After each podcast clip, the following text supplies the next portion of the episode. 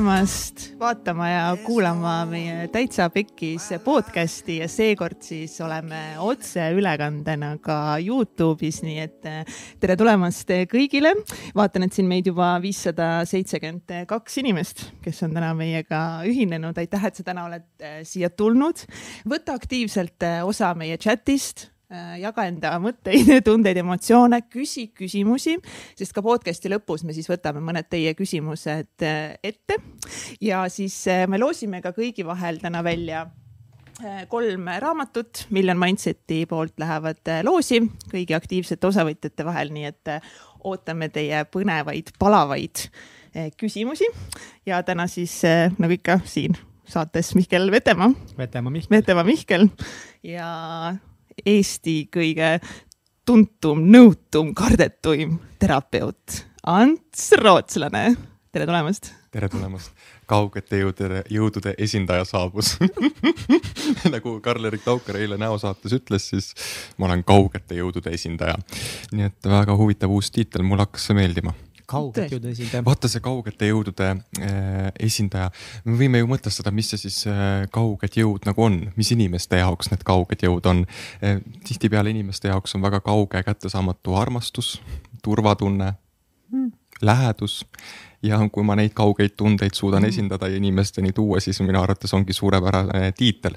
ma olin ma... valmis juba mingiks täis huuga-puugaks, aga see on päris isegi loogiline vastus ma arvan, et see tähendakski seda kaugete jõudude esindajast, jah väga, nüüdsest, nüüdsest on niimoodi jah? Rõõm on tagasi olla, üle aasta, aasta vist tagasi me viimati kohtusime teiega. ei ole päris, ei, ei ole päris aasta, see oli ikka sügis, ei, talvel, ma ei tea, ühesõnaga eelmine aasta. lumi oli väljas lumi oli ja, ja siis sellest tantsusaates sai ka meie siis äh, eelmise aasta, kahe tuhande kahekümne esimese aasta kõige kuulatum äh, podcast mm. -hmm. ma loodan, et oli hea. tegelikult inimesed. see oli endale väga in, lõbus. inimesed ütlesid, et oli ja paljud kahtlustasid kusjuures, et ma olin täis seal, aga ma võin saladuskattel öelda, et ma ei olnud aga natuke siiski lõbus punast veini meil oli. meil oli ja, et selleks, et äh, olla lõbusas meeleolus, ei pea olema üldse täis, et äh, me olime küll joonud siin, ma olin ühe pokaali vist vaevalt ära joonud, aga sellest piisas mm. -hmm. vaata noor poiss ei kanna veel.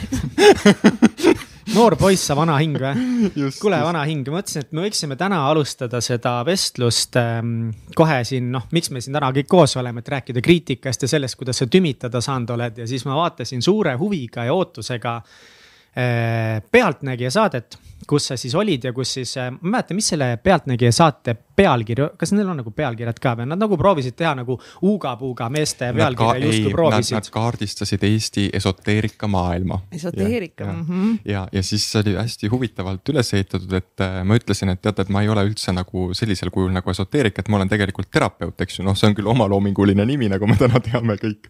aga, aga siiski ma ütlesin, et ma täiesti sellest esokultuurist ennast nagu eraldaksin ära ja siis nad panid mulle tiitliks seal guru guru jah, et nüüd siis ma olen guru ka, kuigi ma olen täiesti kurunduse nagu selles mitte vastane, aga mulle ei meeldi selline suund.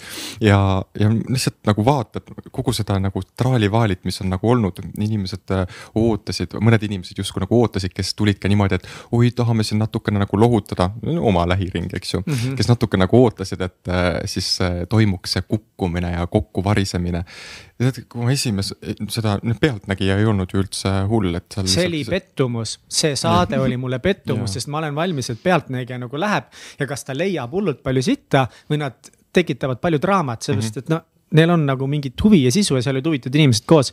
aga see oli täiesti nagu igav ja normaalne saade ja sinust ei suudetud jätta, jätta üldse sellist nagu -hmm. väga veidrat muljet just, just. sa figureerisid kõige paremini kõikidest teistest nendest äh, saatekülalistest seal. vaata, mul on lihtsalt sisu, ma tean, mida vastata, et äh, ma ei lähe ennast ju kaitsma äh, sinna, et, et ma läksin lihtsalt selgitama, mida ma siis teen.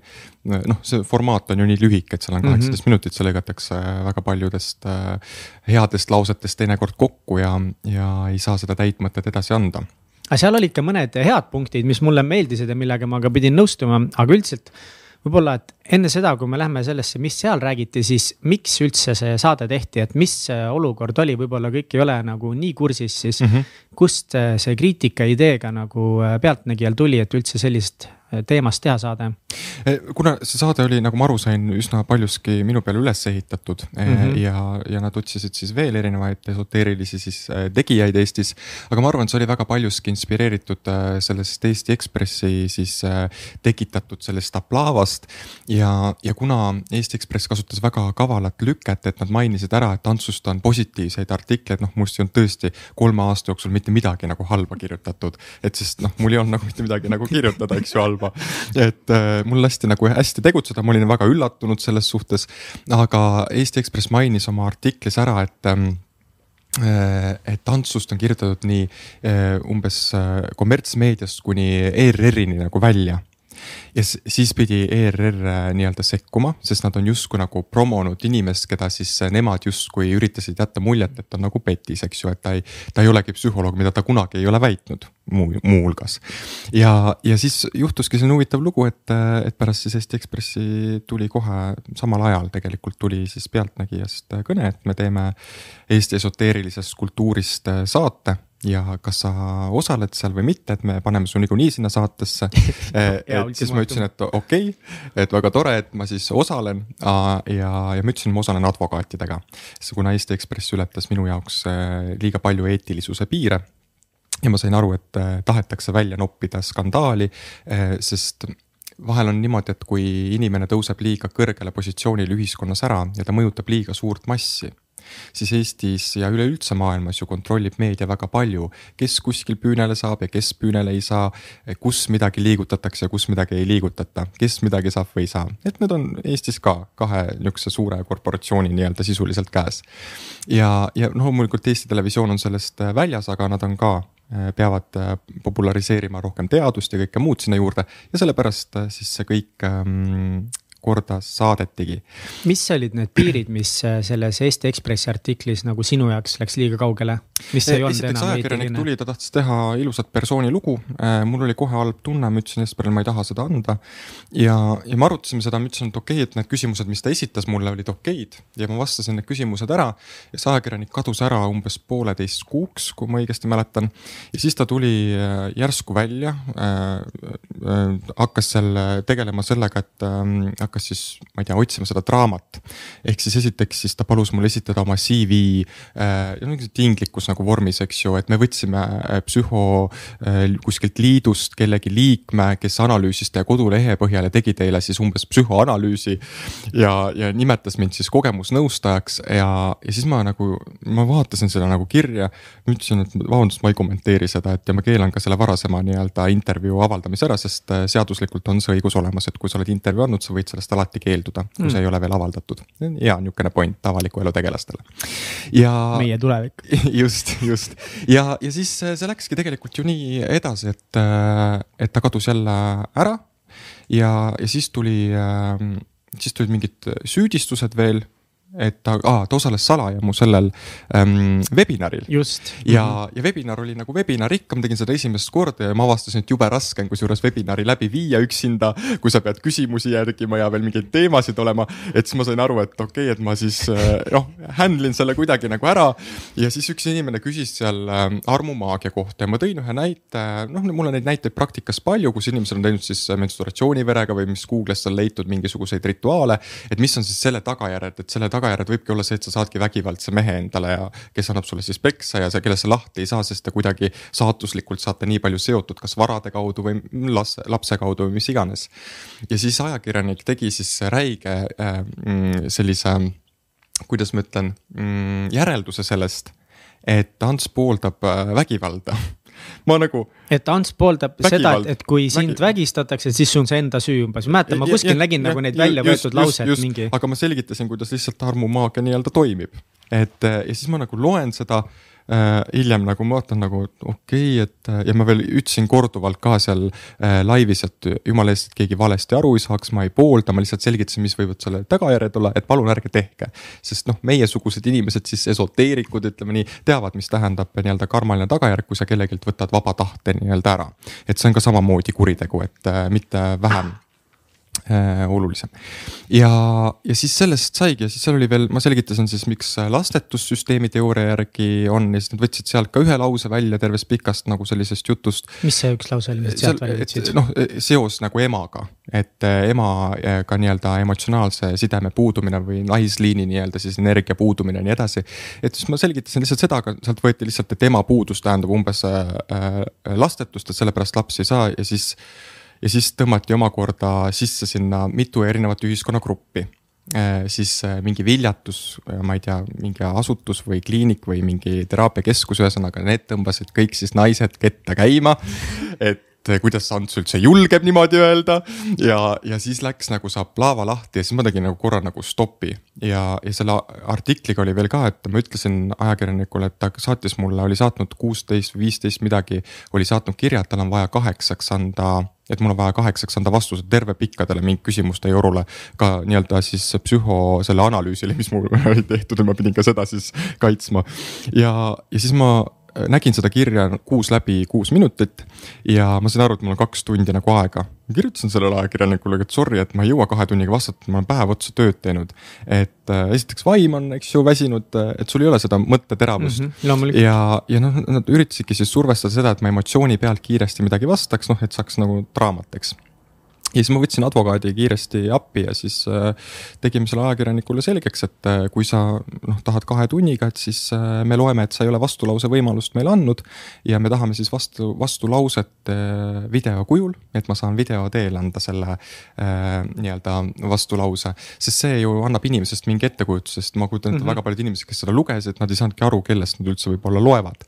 ja, ja siis me saime hommikuni nii-öelda siis ajapikendust ja, ja siis me panime öösel mingisuguse vastuse kokku, täna ma vastaks hoopis teistmoodi, ma võib-olla läksin ikkagi liialt kaitsesse, sest kui sa oled sinna sisse nagu tõmmatud, sul tekib tunne, et sa pead ennast kaitsma, aga samas nagu no, ei olnudki midagi. pididki nagu ennast kaitsma ja selleks oligi veits üle, et noh, kuidas ma, sa kaitsed ennast nüüd nendele küsimustele. väide, et ma ei ole mitte midagi õppinud, et äh, ma olen kogemusnõustaja, mul ei ole kogemusnõustaja paberit et ma ei nõusta kogemuse pealt, et ma olen õppinud süsteemiteooriat kolm aastat ja seal oli veel need psühhoanalüütikud või need siis ütlesid, et nemad aktsepteerivad rohkem neid meetodeid, kus on siis supervisiooniga tehtud nagu, et kooli nagu seda lõputööd kontrollib supervisiooni töö ja ma ütlesin, et aga meil on olemas, et palun võtke Konstellatsioonikooliga ühendust, küsige, mis tunnistused mul on, mida ma olen läbinud, kuidas õpe välja näeb.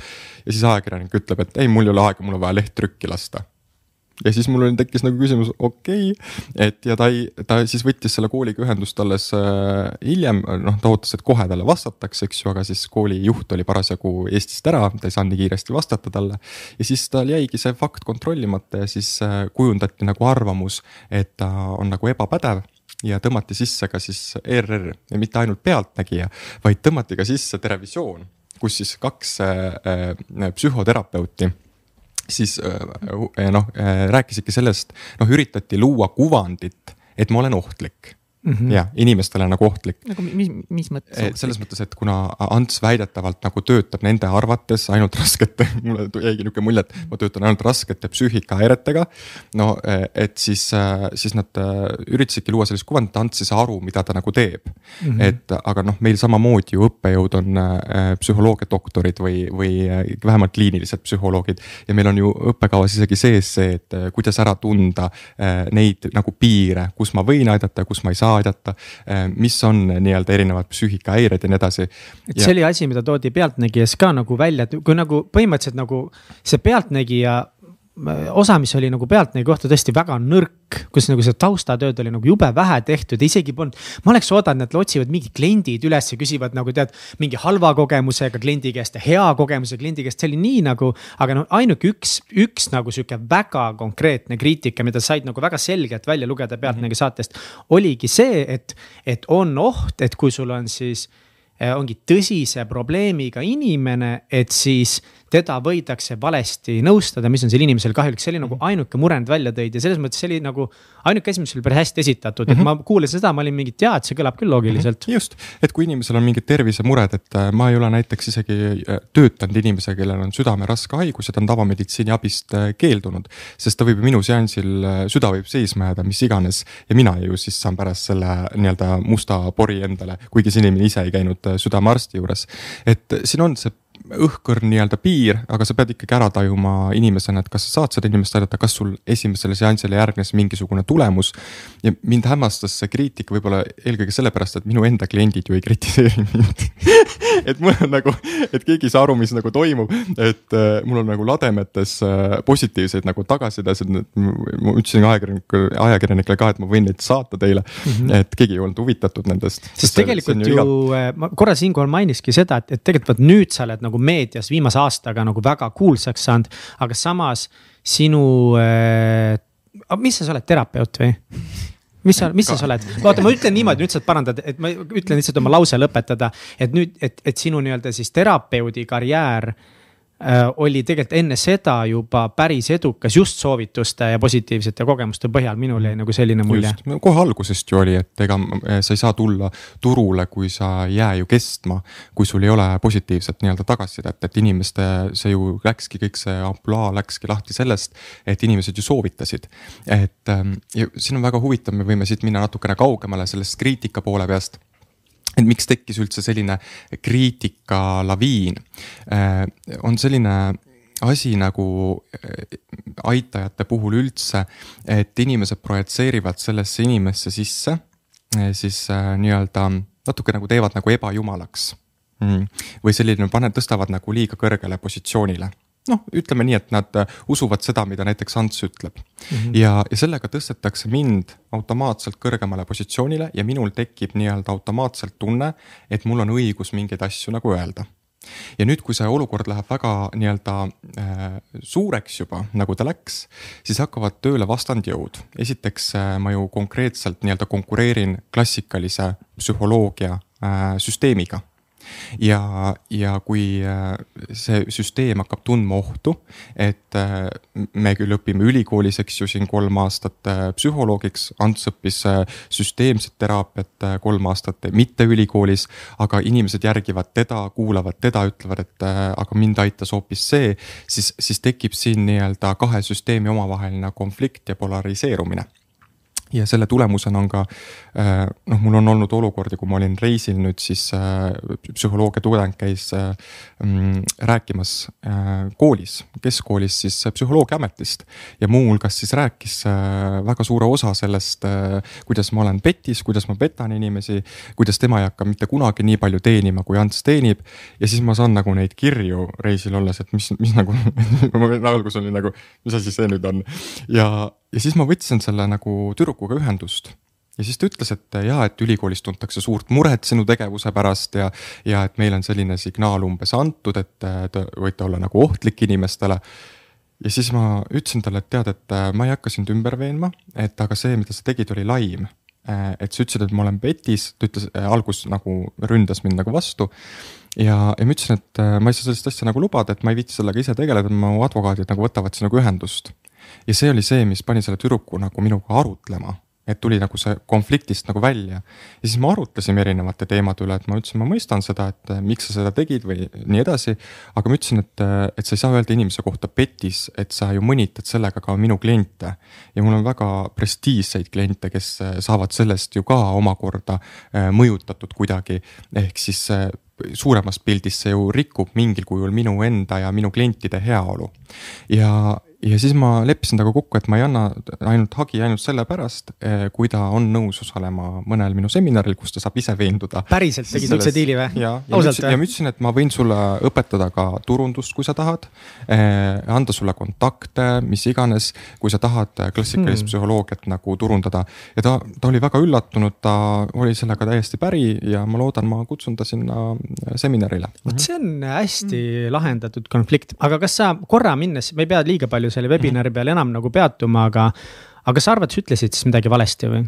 või kas sa, kas sa siis esitasid mingeid ideid no kuidagi liiga toorelt või, või lihtsalt kasutatigi olukorda ära, kus tehti nagu järeldusi, pannes nagu erinevad ma, laused omavahel kokku? ma saan ainult tugineda sellele, kuidas minu inimesed mulle tagasisidet annavad. kui mm -hmm. minu mhm. inimesed mulle tagasisidet negatiivset ei anna, eh, neil on, nende jaoks ei ole see tass liiga suur, vaid nad saavad aru, millest ma räägin, siis ma ei ole harjunud lasteaia tasemel inimestega rääkima et kes ei, kes ei saa aru, kes ongi seal mõistuses selle ühe protsendi juures, kes ongi ainult, et see laud on laud või, või tool on tool. et ma ei oska selliste inimestega suhestuda ja meil ei ole mitte millestki rääkida. aga sinu webinaril nagu nii-öelda tavalised osalejad, mitte siis äh, undercover äh, ajakirjanikud.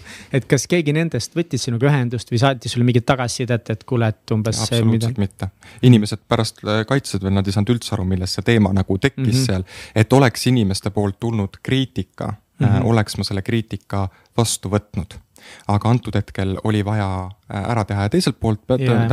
mõistma ka seda, et ajakirjandus on väga suur äri. mul on majas sees seal kontaktid olemas ja et ma selle välja ütlesin ja see. sul on omad spioonid. ja, ja see artikkel oli üks äh, müüdumaid artikleid Eesti Ekspressis, mis tähendas seda, et nad teenisid minu pealt noh, väga suure summa raha, sest see oli väga loetud artikkel, mida osteti, hinnaks oli kolm üheksakümmend üheksa. Nad tootsid ühest samast artiklist neli või viis erinevat artiklit äh, ja nädala jooksul ja, ja nad teenisid sellega kopsaka summa raha, ehk siis kes oleks viitsinud lugeda ilusat artiklit Antsust, imeline. ei no meedias peab nii või naa alati sitta nagu kirjutama. aga paneme natukene, natukene nagu vürtsi juurde, tekitame väikse skandaali ja siis kirjutame veel sellise lause, mis oli parim lause muide selles artiklis. Antsu taust on sama müstiline kui Harry Potteri sigatüüka kooli asukoht, mis on kaetud nõiduste ja loitsudega. see tõesti on lahe lause. minu arvates eh, Kertu Jänesele kümme punkti selle lause eest see, vot see on lahe, kuidas ta kirjutab, loovust on vaja, aga kuidas kuidas päriselt sind nagu nii-öelda inimesena, mitte siis äh, professionaalina või kuidas inimesena lõpuks sind nagu see ikkagi nii suur kriitika mõjutas. mõjutas mm -hmm. nii lühikese aja jooksul? ma varem äh, tundsin, ma sain väga haiget varem, kui inimesed kritiseerisid või isegi kui seda ütlesid, et oh, sul on nii lahe äri või asi, minu jaoks isegi tegi see nagu haiget, sest äh, varasemalt, et kui, kui ma nagu tean ise, kui suur maht see on, et äh, kui inimestega nagu töötada, et see ei ole lihtsalt see, et see on äri kuidagi. et ma ei seo kuidagi inimesi enda külge, ütlen, et te peate neid kive nüüd ostma ja mind järgima ja ma olen prohvet, midagi sellist. ma olen kogu aeg öelnud, et ma olen lihtne tavaline inimene, ma annan informatsiooni, keda kõnetab, võtke vastu, keda ei kõneta, ärge võtke vastu. aga kui, kui mingi hetk oli seda väga palju, isegi oma lähiringkonnas, siis ma muutusin nagu järjest rohkem nagu immuunseks. ma sain aru, et mul ei ole mõtet midagi selgitada, sest nende inimeste nagu arusaam ei muutu ja nende jaoks ongi see lihtsalt nagu lahe äri, nad ei saa sellest nagu töö sisust nagu aru. ja, ja siis mul nagu tekkis selline immuunsus ja kui see Eesti Ekspressi artikkel ilmus, siis minu jaoks oli suur üllatus see, et ega minuga väga suurt midagi ei juhtunud. Eh, samal ajal ma läksin, ostsin selle artikli ja ma läksin autopoodi uut autot valima aga kahjuks ühtegi autot ei saa praegu, sellepärast et nii pikk ootejärjekord on kriisi tõttu. et eh, minuga ei juhtunud väga midagi, minu jaoks oli ainukene küsimärk see, et eh, kuna ma ei poolda polariseerumist ehk siis vastandumist väga suurel, niisugusel suurel mastaabil, et ehm, mõelge nüüd, kui võimekas peab olema inimene nüüd ennast tõstes, et ta saab hakkama sellise olukorra, kus äh, nii-öelda psühholoogide liidud on tema vastu. siis mingi osa ühiskonnast, eks ju. see tõesti mõjutas mul on nii raske uskuda seda, et see kuidagi ei väsita või ei koorma, vaid sa pead ju tegelema sellega. minu jaoks ainukene, ainukene küsimus oli see, et võtta maha vastandumine psühholoogidega, sest ma teen nendega tõesti igapäevaselt koostööd, ma suunan neile inimesi ja nemad küsivad ka teinekord minu käest nõu no,. noh, leti alt muidugi me ei saa seda avalikult, eks ju, teha Sorry. ja, ja siis äh, ja niimoodi oligi lihtsalt, et äh, siis tuli TV3-st see lugu ja ma ütlesin, et te võite rünnata mind rünnake, et ma vastan teile siis nii, nagu ma vastan ja, ja mul ei ole mitte midagi öelda. minu, kui mul oleks tekkinud ähm, mõtlen nii, et äh, kui mul oleks hirm jääda ilma oma asjast või sellest, mis ma olen loonud mm. -hmm. no siis ma oleks tõenäoliselt värisenud ja põdenud ja, ja kõike muud sinna juurde. et aga mul ei olnud hirmu sellel hetkel midagi nagu kaotada sellepärast, et ma olin ise nii äh, kurnatud ja väsinud, ma ootasin, kuni ma puhkama saaks minna, siis mul oli see raamatu Aplava lõppenud alles ja, ja mõtlesin, et äh, juhtub, mis juhtub, et ma usaldan seda protsessi. loomulikult vahepeal oli nagu emotsionaalselt nagu kehv olla, sest äh, noh, inimesed, isegi need inimesed, kes ei peaks helistama, helistasid. ja justkui nagu nihuke tunne nagu avaldasid kaastunnet, siis mõtlesin, et kas nad lõpetavad selle kõne palun ära. et äh, olin nii piiri peal, et ma ütlen nagu halvasti, aga, aga kuidagi läks see nagu mööda ja ja kui ma sain pärast TV3 intervjuud, sain kliinilistelt psühholoogidelt positiivset tagasisidet ja, ja nii-öelda mitte kõigilt muidugi, aga neid mm -hmm. oli mhm. kuskil kümme psühholoogi, kes kirjutasid, ütlesid, et nemad väga pooldavad laialdast nii-öelda maailmavaadet ja nad ise kasutavad ka selliseid, selliseid meetodeid ja klassikalise psühholoogiaga ei saagi kõike nii-öelda lahendada, sest teadus ju. mõned psühholoogid ju väidavad, et ärevus on midagi sellist, millega ei, mida ei saa lahendada, et sellega tuleb õppida elama. ma ei ole nõus selle väitega, et minu kliendid ütlevad, et seda on võimalik ära saada. et siis minu, minu süü ei ole see, et teadus ei ole täna nii kaugele arenenud, et ta suudaks äh, kõiki protsesse selgitada või et needsamad inimesed, kes siis teadust järgivad, ei uuri uut teadust nagu neuroteadust. Eh, mis ähm, uurib erinevaid äh, nii-öelda ärevusest tingitud probleeme, kuidas neid siis äh, lahendada aga mis on nagu me peame nagu kindlasti selle peal ikkagi peatuma korraks, et aga mis on nagu üldse siis sellel nii-öelda esoteerika maastikul nagu ikkagi mingid ohud, et, et nagu.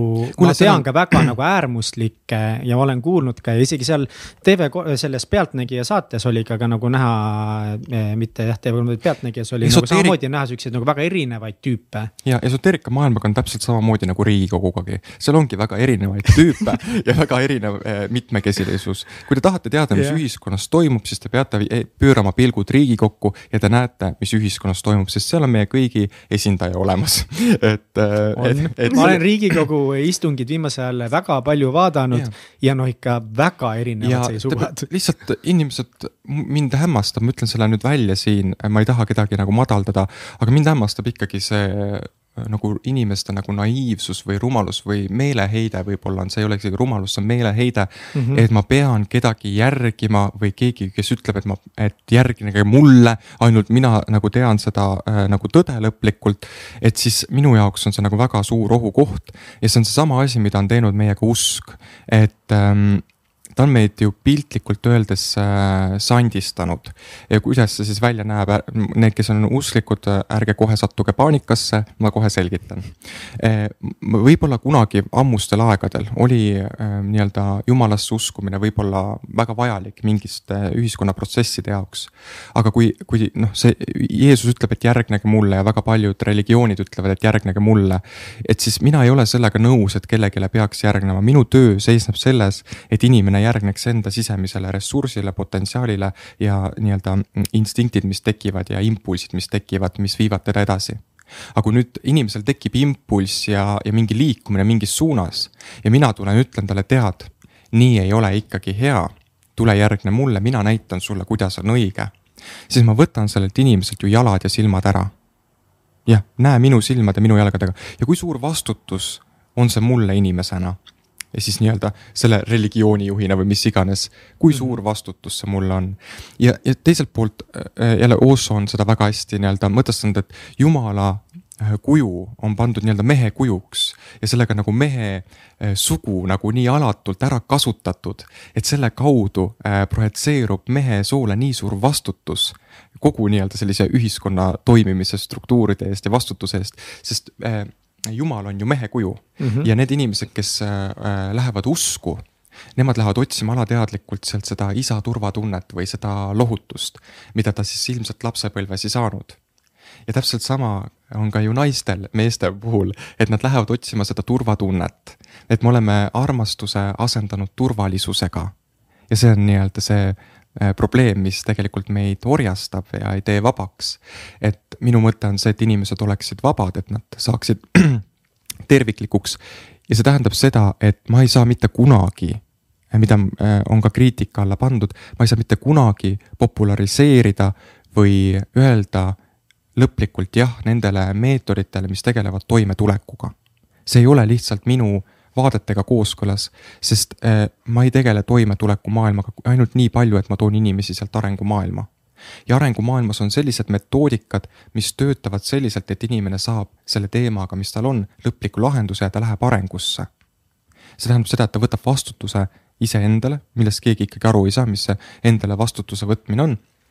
ja, ja siis ta käib oma teed täpselt nii, nagu tema oskab käia mitte keegi ei ütle talle ette, kuidas seda mm -hmm. teed käia. ja vot minuga on täpselt samamoodi, ma käin seda teed täpselt nii, nagu mulle sobib äh,. täpselt nii, nagu minu jaoks piirid on loodud.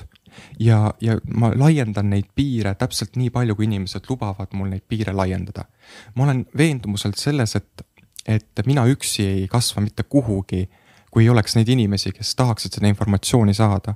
see, et ma kirjutan raamatu, teen seminari, räägin siin, see on minule võimalus laiendada ennast sest iga podcast'i, iga esinemisega võib tulla mingisugune täiesti uus taipamine, täiesti uus seos, mis mind inspireerib ja mida ma saan inimestele edasi anda see on väga huvitav mm. mõte, sest ma just enne tahtsin teilt küsida ka, et sa natuke, sa puudutasid seda teemat. aga miks, miks just nii-öelda siis need, kuidas seal pealtnägijas öeldi ka, et noore, uue generatsiooni esoteerikud, et miks nemad nagu nii kuulsad on ja kui me võtame nagu ka noh, raha teenimise mõttes on ka nii-öelda klassikalisi psühholooge, kes on väga head ja teenivad väga-väga palju raha. kust sa tead? Äh, no ma ei tea, kuhu need rahad lähevad, siis ma ise otsin endale psühholoogi, terapeuti, kui ma vaatan nagu seda seansi hinda mingi sada viiskümmend, sada kaheksakümmend, mõnes kohas on kakssada euri olnud, noh, loomulikult on ka mingi kuuskümmend, seitsekümmend, et. Need on väga kallid ja, ja no küllap nad äh, teenivad hästi, mina arvan, et nagu professionaal peabki hästi teenima. aga mis ma tahtsin küsida, on see, et miks nagu sina näiteks nii kuulsad oled või miks need äh, noore generatsiooni esoteerikud kuidagi nii esile tõusevad, aga samas mõni klassikaline psühholoog nii-öelda nagu ilma nüüd selleta, et kes on hea või halb, üldse nagu nemad esile ei tõuse kuidagi ühiskonnas niimoodi mõtlen, kuidas nii öelda, et mitte kedagi madaldada, kui te vaatasite Eesti Ekspressis seda pilti, mis pandi, pandi üks äh, kliiniline siis, kes äh, psühholoog sinna kõrvale ja siis pandi minu pilt, mis oli pildil nagu alles päris ausalt, üks oli, mida inimesed mulle tagasisidena andsid, mida ma ise ei mõelnud, ma alguses ei pannud üldse seda tähele. et ta oli niisugune tunne, nagu see inimene hakkab ära surema kohe mul seal kõrval. Ja siis oli selge silmavaatega noor inimene äh, vaatamas seal nagu vastu ja siis tekibki küsimus, kelle juurde ma siis lähen, miks need noored, äh, ma ütleks, et kõik on nagu mm, mm suured või, või sellised ähm, kuulsad, osad on teatud sihtrühmades äh, nii-öelda kuulsad, ajavad oma asja mm, -hmm. aga minu äh, enda mõte oli see, et ähm, ma töötasin ennem, kui ma inimestega no, suuremalt tööle hakkasin, väga palju iseendaga, et saada endasse seda rahu. ja vot see on see koht, mida inimesed ei mõista, et mind ei ole mitte kunagi võimalik kellegi poolt ära hävitada. tead miks? sellepärast, et mind ei huvita nende hävitus aga kas sa tahtsid ka alguses kuulda, kas sa tahad, kas sa oled tahtnud kuulsaks saada? lõpetame selle teema ennem ära. ma mõtlesin, et see oligi see, et sind vist ei huvita. kui sa oled jõudnud enda sees sellise kohani nagu rahu ja sa oled inimestes midagi nii sügavalt puudutanud, näiteks seminaridel või kus iganes oma esinemistes või siin podcast'is, mis iganes, siis kui sa oled puudutanud kellegi hinge ja tõstnud teda seeläbi kõrgemale, siis need inimesed ei unusta mitte kunagi, et sa muutsid tema saatust, samad need inimesed, kes on käinud teraapias, nende ju äh, sõna otseses mõttes saatus on ju muutunud tänu sellele tööle. ja, ja kui sa oled teinud midagi nii suures mahus, siis äh, sa võid küll ajutiselt vaibuda, aga siis see vaibumine tähendab seda, et see on olnud minu otsus et ma tõmban ise tagasi, aga need inimesed ei kao mitte kuhugi. Neid tuleb ainult juurde, sest minu ainukene mõte on see, mitte äh, teha siis nii-öelda äri selles, nendes gruppides, kus on kõik need vaimsed inimesed, kes käivad ka ainult retriidil, retriidile täna tantramassaažis, homme juba ennustaja juures, mis iganes. kes jooksevad seda ratast ja mitte kuhugi lõpuks nagu ei jõua endaga. ma tahan tuua täiesti uut generatsiooni äh, lihtsalt teadlikumaks teha või et see teraapia on moes ja see on parim asi, mis saab moes olla, et see asi, mis tekitab sinusse rahu, lõõgastuse. täna üks klient ütles mulle, ma Tartus vahepeal võtsin, enne kui ma siia jõudsin, võtsin ühe kliendi vastu, siis ta ütles, et, tema koolis üks tüdruk äh, läks koolist ära kuuendas või seitsmendas klassis, sest tal on depressioon liigse koormuse tõttu. ja kui ma kuulasin seda koormust, mis seal nädala jooksul oli, siis ma mõtlesin, kuidas kuidas see võimalik on, minu ajal oli juba koormus nagu suur, noh, nad on küll ühe lisavaheaja juurde teinud, aga neil on mingi seitse kontrolltööd või tunnikontrolli nädalas, nad on ainult pideva kontrolli all. Nad on pidevalt äh, nii-öelda sellises pinges olekus, et nad peavad kogu aeg nagu ainult pingutama. ja siis ma mõistsin enda sees jällegi veel kord, et minu õpetajaks ei olnud mitte kunagi see kool, kus ma õppisin siis gümnaasiumis või põhikoolis vaid minu õpetajaks on olnud elu ise, need inimesed, kellega ma olen kohtunud, need lood, mis ma olen nagu kuulnud. ja samas ka need koolid, mis ma olen ise valinud, kus ei ole, kus õpetatakse võib-olla lõdvestuma rohkem. et ma näen ikkagi täna ja see on väga räige, et ma seda võib-olla välja ütlen. aga ma näen, kuidas meid sandistatakse, sõna otseses mõttes lapsi sandistatakse täna selle süsteemi poolt ja mul on väga hea meel, et Roland Tocco äh, ko koos ühe partneriga tahab tuua Eestisse uut tüüpi kooli mm, -hmm. kus on inimese loovus ja anded esikohal ja nende väljaarendamine.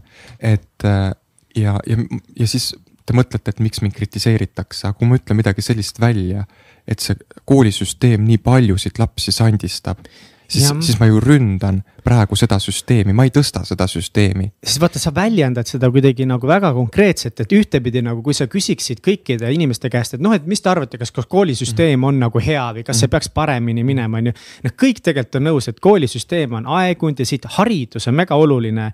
ja nagu minu meelest on mega oluline õpetada noortele matemaatikat ja loodust, aga see, kuidas me seda teeme ja, ja just see, kui palju me nagu sihukest loovuslikkust ja avastamist ja seiklust lastelt mm -hmm. ära võtame mm. -hmm. et see on nagu vale ja, nüüd ongi nagu see, et kui üks inimene ütleb, et ja, ja, ja, et koolisüsteem peaks parem olema või teine inimene ütleb, et koolisüsteem sandistab lapsi. päeva lõpuks mõlemad tegelikult seisavad sama asja eest. mida siin ühiskonnas on nii palju näha, me seisame suht tihti samade asjade eest, aga viis, kuidas me räägime ja sina näiteks kasutad tihti sõnasid, mis on mulle võõrad või teistele võõrad. tegelikult sa räägid mõnikord juba tavalisest normaalsest asjast, aga, aga see väljendusviis on võõras. ja Selle... tekib sihuke hirm või võõrandumine mm-hmm. sellest. mitte isegi hirm või võõrandumine, vaid tegelikult tekib inimestel nagu arusaamine või selle, kui sa ütled midagi nii resoluutselt välja, siis nad hakkavad mõtlema ja seoseid looma oma elus oma elus kooliga, oma elus nende situatsioonidega, millest ma räägin. et kui sul tekib nii-öelda mind kuulates hirm, siis äh, minu küsimus on, mida sa mulle projitseerid. et kas sa minu kaudu siis saad oma hirmuga ühendust või mm?? Et see on ju väga mm -hmm. huvitav, et äh, ma ju teadlikult, täiesti teadlikult ajan väga paljusid ühiskonnagruppe segadusse. kasutades väga erinevaid tiitleid kogu aeg, kaugete jõudude esindaja, terapeut, äh, hüpnotisöör. ja miks ma seda teen, sellepärast et äh, pakkuda alternatiivi võib-olla sellisele tavaühiskonnale, kus inimesed on väga palju beeta ajulainetes, kus on see mõttesagedus hästi tihe ja see mõistus tegeleb ainult polariseerumisega, et kas see asi mulle meeldib või ei meeldi inimestel puudub täiesti kuulamisoskus ilma hinnanguteta, sest neid on hinnatud kaksteist aastat järjest koolisüsteemis. ja seesama hinnanguline meel hakkab hindama praegu seda, kas minu jutt on õige või vale, aga mis tähtsus sellel nii väga on?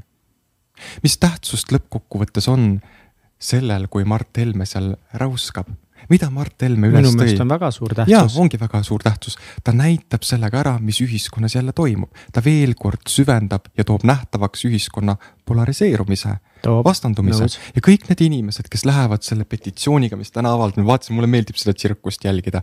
et lähevad sellega kaasa, kui suure ressursi, eluenergia nad panevad sellesse, et üks mees seal ütles midagi nii jubedat lihtsalt seal Riigikogu ees, mis oli tõesti taunimisväärne aga mul ei tekitanud see isiklikke emotsioone, sest äh, ma ei lasknud ennast sellest mõjutada, sest äh, küps inimene kuulab ära kui ta tunneb, et see ei samastu temaga, siis ta kõnnib edasi, jah. aga see ei ole ju alati päris õige või nagu ma selles mõttes ma olen nagu sellega nõus, et mõne asjaga me ei, noh, et me ei, ei tohiks nagu nii-öelda minna vägivalda, on ju, nii emotsionaalsesse või füüsilisse vägivalda. aga, aga samas, aga, mis, mis... aga nagu selles mõttes näiteks mina nagu hoolin sellest, mida meie Eesti valitsus annab välja ma väga hoolin riigikaitsest, ma hoolin, äh, kuidas Ukrainas sõda läheb. Mhm. ja kui meie nagu valitsusest mingid inimesed ütlevad väga koledaid asju Ukraina naiste kohta, siis see ju, äh, see on ma, oluline. ma teen väga olulise tähelepaneku siin. sa ajasid praegu valitsuse ja Riigikogu äh, segamini. valitsus, valitsus jah. annab ju väga häid sõnumeid, minu arust Kaja Kallas koroona juhtimise. aitäh parandus, see on väga õige parandus. sest kontekstid lähevad kohe segamini. Kaja Kallas teeb suurepärast tööd praegu maailmas. kogu selle, kogu selle, ta tuli nagu oma sellest koroonavarjust nagu välja, kus ta ei saanud lõpuks ise ka, ma arvan, aru, mida ta siis Mm -hmm. mis see õigem nagu valik on. mu point jääb samaks, ma tahtsin aga... öelda Riigikogu, aitäh jah, et Riigikogu. ja Riigikogu niimoodi. esindab, veel kord ütlen, inimesi ja on väga suur hulk neid inimesi, kes mõtlevadki selliselt. on küll jah. ja, ja, ja, ja paratamatult, kui nüüd Mart ütleb sellise asja seal äh, välja, siis toob see selle ühiskonnagrupi välja. ja siis toob need vastased välja ja hakkab uus vahekord pihta, kumb jääb peale. ja selleks nüüd, et äh, nii-öelda need vastased siis peale jääks, kes ütlevad, et jah, see oli koledasti öeldud, selleks nüüd tahetakse siis Mart Helmet Riigikogust eemaldada. ja, ja poliitika pidevalt ise samamoodi kultiveerib seda polariseerumist. meil on praegu tegelikult väga oluline see, et me ei tõmbaks venelastega konflikti koha peal ülesse, see oleks meie julgeolekuoht. no ei ei taha konflikti otse ja, minna jah, aga nagu samas no, me, kui me ründ... ma olen valmis minema. ja, et vot see ongi see, et sa oled valmis minema. jah ja. ja.. aga see on väga ohtlik, sest kui venelane nüüd vaatab Putin vaatab, nad terroriseerivad meie venelasi siin Eestis mm. -hmm. me tuleme siia ka, eks ju, aga meil, meil on ettekäänet vaja. aga mis sina arvad, nagu see on väga hea point, et, et näiteks Mart Helme toobki välja meie ühiskonna polariseeritus, erinevad arvamused ja nagu need inimesed, kellega näiteks mina ei nõustu, nendega kaklemine ei vii ka meid kuskile, et kuidas me võiksime nagu kuidagi rohkem nagu siis kokku tulla või arutada või mida, mida me saame teha, mis siis ei ära, oleks lihtsalt see. ära ela sellises illusioonis, et kõik saab korda. ei, mitte kõik ei saa korda, aga me see, peame ju proovima see, midagi paremini teha. me oleme nii palju proovinud, et ühiskond läheb täpselt oma rada pidi mm -hmm. ja ega see sõda ei ole ka põhjuseta see on täpselt see, mida me inimestena pidevalt nii-öelda teeme, me võitleme, see viha koguneb ja kuskil nõrgas kohas peab ta väljenduma. igasugune kriis on tulnud selleks, et midagi muuta.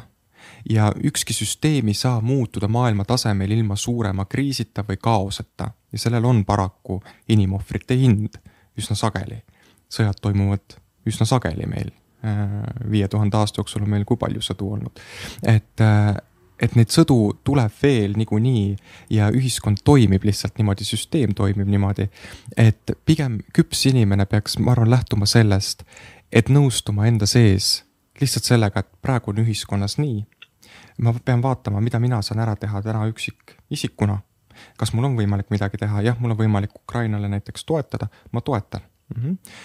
Ja, ja kui ma sellest iga päev ei räägi ja kui ma naeran, see ei tähenda seda, et äh, ma ei hooli nendest inimestest. seda kindlasti, oma minu, elu peame elama. minul on samamoodi Ukraina ju juured, ma olen sealt alguse saanud, kui oleks neid ukrainlasi olnud, kes andsid minu vanaemal elu, siis ei oleks mind kunagi olnud. mul on väga tugev side ja ma tunnen seda valu, mida nad seal tunnevad, kujutate ette, kakskümmend tuhat inimest lihtsalt tapeti ära paljud neist viidi minema. ja, ja kui me näeme neid pilte äh, samamoodi meedias, sa pead mõistma jälle seda, et see ongi ju vägivallaakt samamoodi, et kuigi see vägivallaakt tehti venelaste poolt, siis kui ajakirjandus seda edasi kultiveerib, siis ta kannab selle vägivalla edasi. ehk siis ajakirjandus ka väga halb öelda, aga teenib selle pealt, mida jubedamalt seda eh, seal nii-öelda esitleb. ja Ukraina huvides on see, et seda võimalikult jubedalt ka esitatakse, mis mm -hmm. ongi väga jube. ja Ukrainade moodi propagandat, aga no see on vajalik jällegi. see on vajalik. selle propagandaga ma pean nõustuma. et äh, miks on meie kõigi vastutus mitte ainult sellepärast, et ta kaitseb eh, Euroopat sõja eest, vaid ukrainlased sõdivad kõige selle eest, mida meie oleme ka teinud, ehk siis viha alla surunud ja see on kogunenud kuskile nõrka kohta, kus see saab avalduda. Freud rääkis kollektiivsest alateadvusest, kuhu kogunevad ka nii-öelda energeetika mõttes siis tunded ja süsteem tahab neid väljendada. nüüd need selgeltnägijad, kes ütlevad siin, et kuna sõda läbi saab või kuna sõda algab uuesti või kuna lõpeb, ma soovitan neid mitte kuulata esiteks ühiskonna äh, sellisele tasemele ei tohi sekkuda äh, mitte keegi. Äh, millesse ei tohi sekkuda? nii-öelda ühiskonna riiklikule tasandile ja globaalsele tasandile mis mõttes, inimesed ju peaksid just nagu riiki ja mm. riigi või ma ei saa su mõttest aru just. meie oleme valinud esindajad mm. -hmm. Mm -hmm. valitsuse äh, ja see on, seal on omakorda Euroopa Liit ja kõik muu mm. -hmm. Nende ülesanne on võimalikult hästi selle olukorraga nii-öelda toime tulla mm. -hmm. kui üksikisik tõuseb nüüd kõrgele, ütleb, et mina tean, kuidas seda olukorda lahendada mm -hmm. ja mm -hmm. hakkab äh, kultiveerima oma tõde sotsiaalmeedias näiteks ja tõstab ennast nii-öelda kõrgemale, kuigi tal seda positsiooni kunagi ei ole antud siis see omakorda hakkab nii-öelda lõhkuma sind ennast ära, et kui sa lähed sellesse kriisi sisse, samamoodi ohvritega töötavad inimesed, seal on ohver-agressor väga tugev dünaamika, mis tähendab seda, et kui need ohvrid siia tulevad, siis sa vaatad mind nii küsiva pilguga, ma näen. ja, ja ma, ma olen jumal lost praegu, aga ma kuulan huviga. ma ei saa, kui sa lähed lost'i ah,. püsime struktuuris, oota. ma tulen selle juurde tagasi mm. -hmm ühesõnaga ähm, lõpetame selle teema ära, et kui meil on globaalne tasand ja riiklik mm -hmm. tasand, siis meil tavakodanikuna, me ei ole nii suured, et sekkuda, et öelda, kuidas see on või et hakata seda vaatama või uurima või hakkama paljastama tõde, need on kõik need vandenõuteooriad, mida siin paljastatakse. inimesed tahavad teada tõde, mis see tõde siis tegelikult on, noh, siin on spekuleeritud, mida Vene propaganda teeb, et see on USA kõik korraldatud, eks ju, mida väga palju ka usutakse. ja, ja teiselt poolt äh, on siis see, et venelased on nii-öelda halvad. ja, aga keegi, mina ei ole nii suur täna, et öelda, mis see lõplik tõde on või miks see olukord täna on. Ja kui mul oleks võimalik seda teatud metoodikatega nii-öelda vaadata, aga mul on küsimus, kas ma olen selleks päris tõeks valmis ja kas kui ma selle teada saaksin kas ma saaks sellega enda sisemuses hakkama hmm.? ja kuna ma selles kindel ei ole, siis minu asi ei ole aru saada lõpuni, mis seal globaalsel tasandil praegu toimub, mis seal nende kahe riigi vahel toimub ja milline seos on seal USA-l või Euroopa Liidul, mis, mis on selle tagajärg, mis juhtub selle rahaga mm -hmm. üldse, kas meil tekib elektrooniline raha selle sõja tulemusena, kuna valuuta läheb eh, nii-öelda, kaotab väärtuse. ma ei tea seda kõike, need on, need on justkui eks, eks eh, eksponeeritakse vandenõuteooriatena aga mul puudub see teadmine, mis on tõde. ma kuna... saan su pointist nagu nüüd selles mõttes veits yeah. aru ja ma arvan, võime selle teema kokku tõmmata, ma ütleks, et nagu, et, et ma nagu arvan teistmoodi, aga see on ka nagu okei okay,, mina nagu arvan, et me inimesena me võiksime proovida rohkem aru saada nendest asjadest, aga jah, samal ajal nagu ma pean endale ka tihti nagu, oota, ma lõpetan selle lause ära, et, et, et mõnikord ma pean endale tunnistama, et mingi konkreetne asi on praegu liiga raske minu jaoks. et sellest aru saada, ma saaks sada protsenti kindel olla, et ma saan lugeda ja proovida mõista nii globaalsest tasemest, riigi tasemest, seda vahepeal ma pean endale tunnistama, et okei okay,, et mõned asjad on hetkel liiga keerulised. ma arvan, et väga paljud asjad on väga keerulised, sellepärast et. aga see ei tähenda, et me ei peaks proovima aru olles, saada. olles olnud äh, poliitikaga lähedalt seotud ja teades neid tagamaid, siis ma võin noh kinnitada siin, et äh, see, mida inimestele räägitakse, on ikkagi väga ilusat juttu ja palju asju jäetakse rääkimata. no alati. mis ja tahetakse kuidagi petta, et inimesed ei satuks paanikasse mingitest asjadest. et äh, sa ei saa poliitikas kunagi lõpuni aru, kui sa ei ole seal sees. ja, ja poliitikud kontrollivad omakorda teised poliitikud ja riiklikud süsteemid, Euroopa Liit ja kõik muu sinna juurde. et me võime püüda baasstruktuuridest aru saada aga, aga me ei tohiks minna võitlusesse äh, või soovi minna seda olukorda päästma, mis on meist nii palju suurem. me saame toetada oma panuse anda, aga mina esitaks parem küsimuse, et äh, sa ütlesid, et me, et oleks nagu paremini, et proovida koos paremini nagu hakkama saada mm. -hmm. et see ongi see koht, miks ma ütlen, et see on väga raske praegusel hetkel, sest selleks on vaja ikkagi küpset sisemust ja korras sisemust, et sa ei aktiveeruks ühiskonnad äh,, noh, mis meedias kirjutatakse, et sa ei läheks sellest nii-öelda käima, et sul ei tekiks sellest mingisugust reaktsiooni, oh, ma lähen nüüd võitlen või. et ma... sa ei ole võimeline suhtlema enam teiste inimestega, näiteks on just, asi, mis juhtub. just, et sa muutud apaatseks mm, -hmm. mis on ka üks äh, väljendusviis, et tundeid on liiga palju, minu aju blokeerib kõik ära. ja, ja noh, siis ongi see, et järelikult ma pean tegelema enda sisemaailmaga, tooma fookus enda peale. et mind ei aita täna see, et kas homme sõda tuleb siin või mitte, mul on täna ainult üks küsimus, mida Inga Lunge hästi küsis ühes podcast'is, kas mul on täna hea olla hmm.? ja ma vastutan selle eest ja kui nüüd Mart Helme mm -hmm. laused näiteks ei tekita minus head tunnet, siis järelikult ma ei tegele sellega. et kui riigikogu otsustab, et kuidagimoodi, et see ei sobi sinna, siis nad peavad ise leidma viisi korrale kutsumiseks või tema valijad peavad ta korrale kutsuma.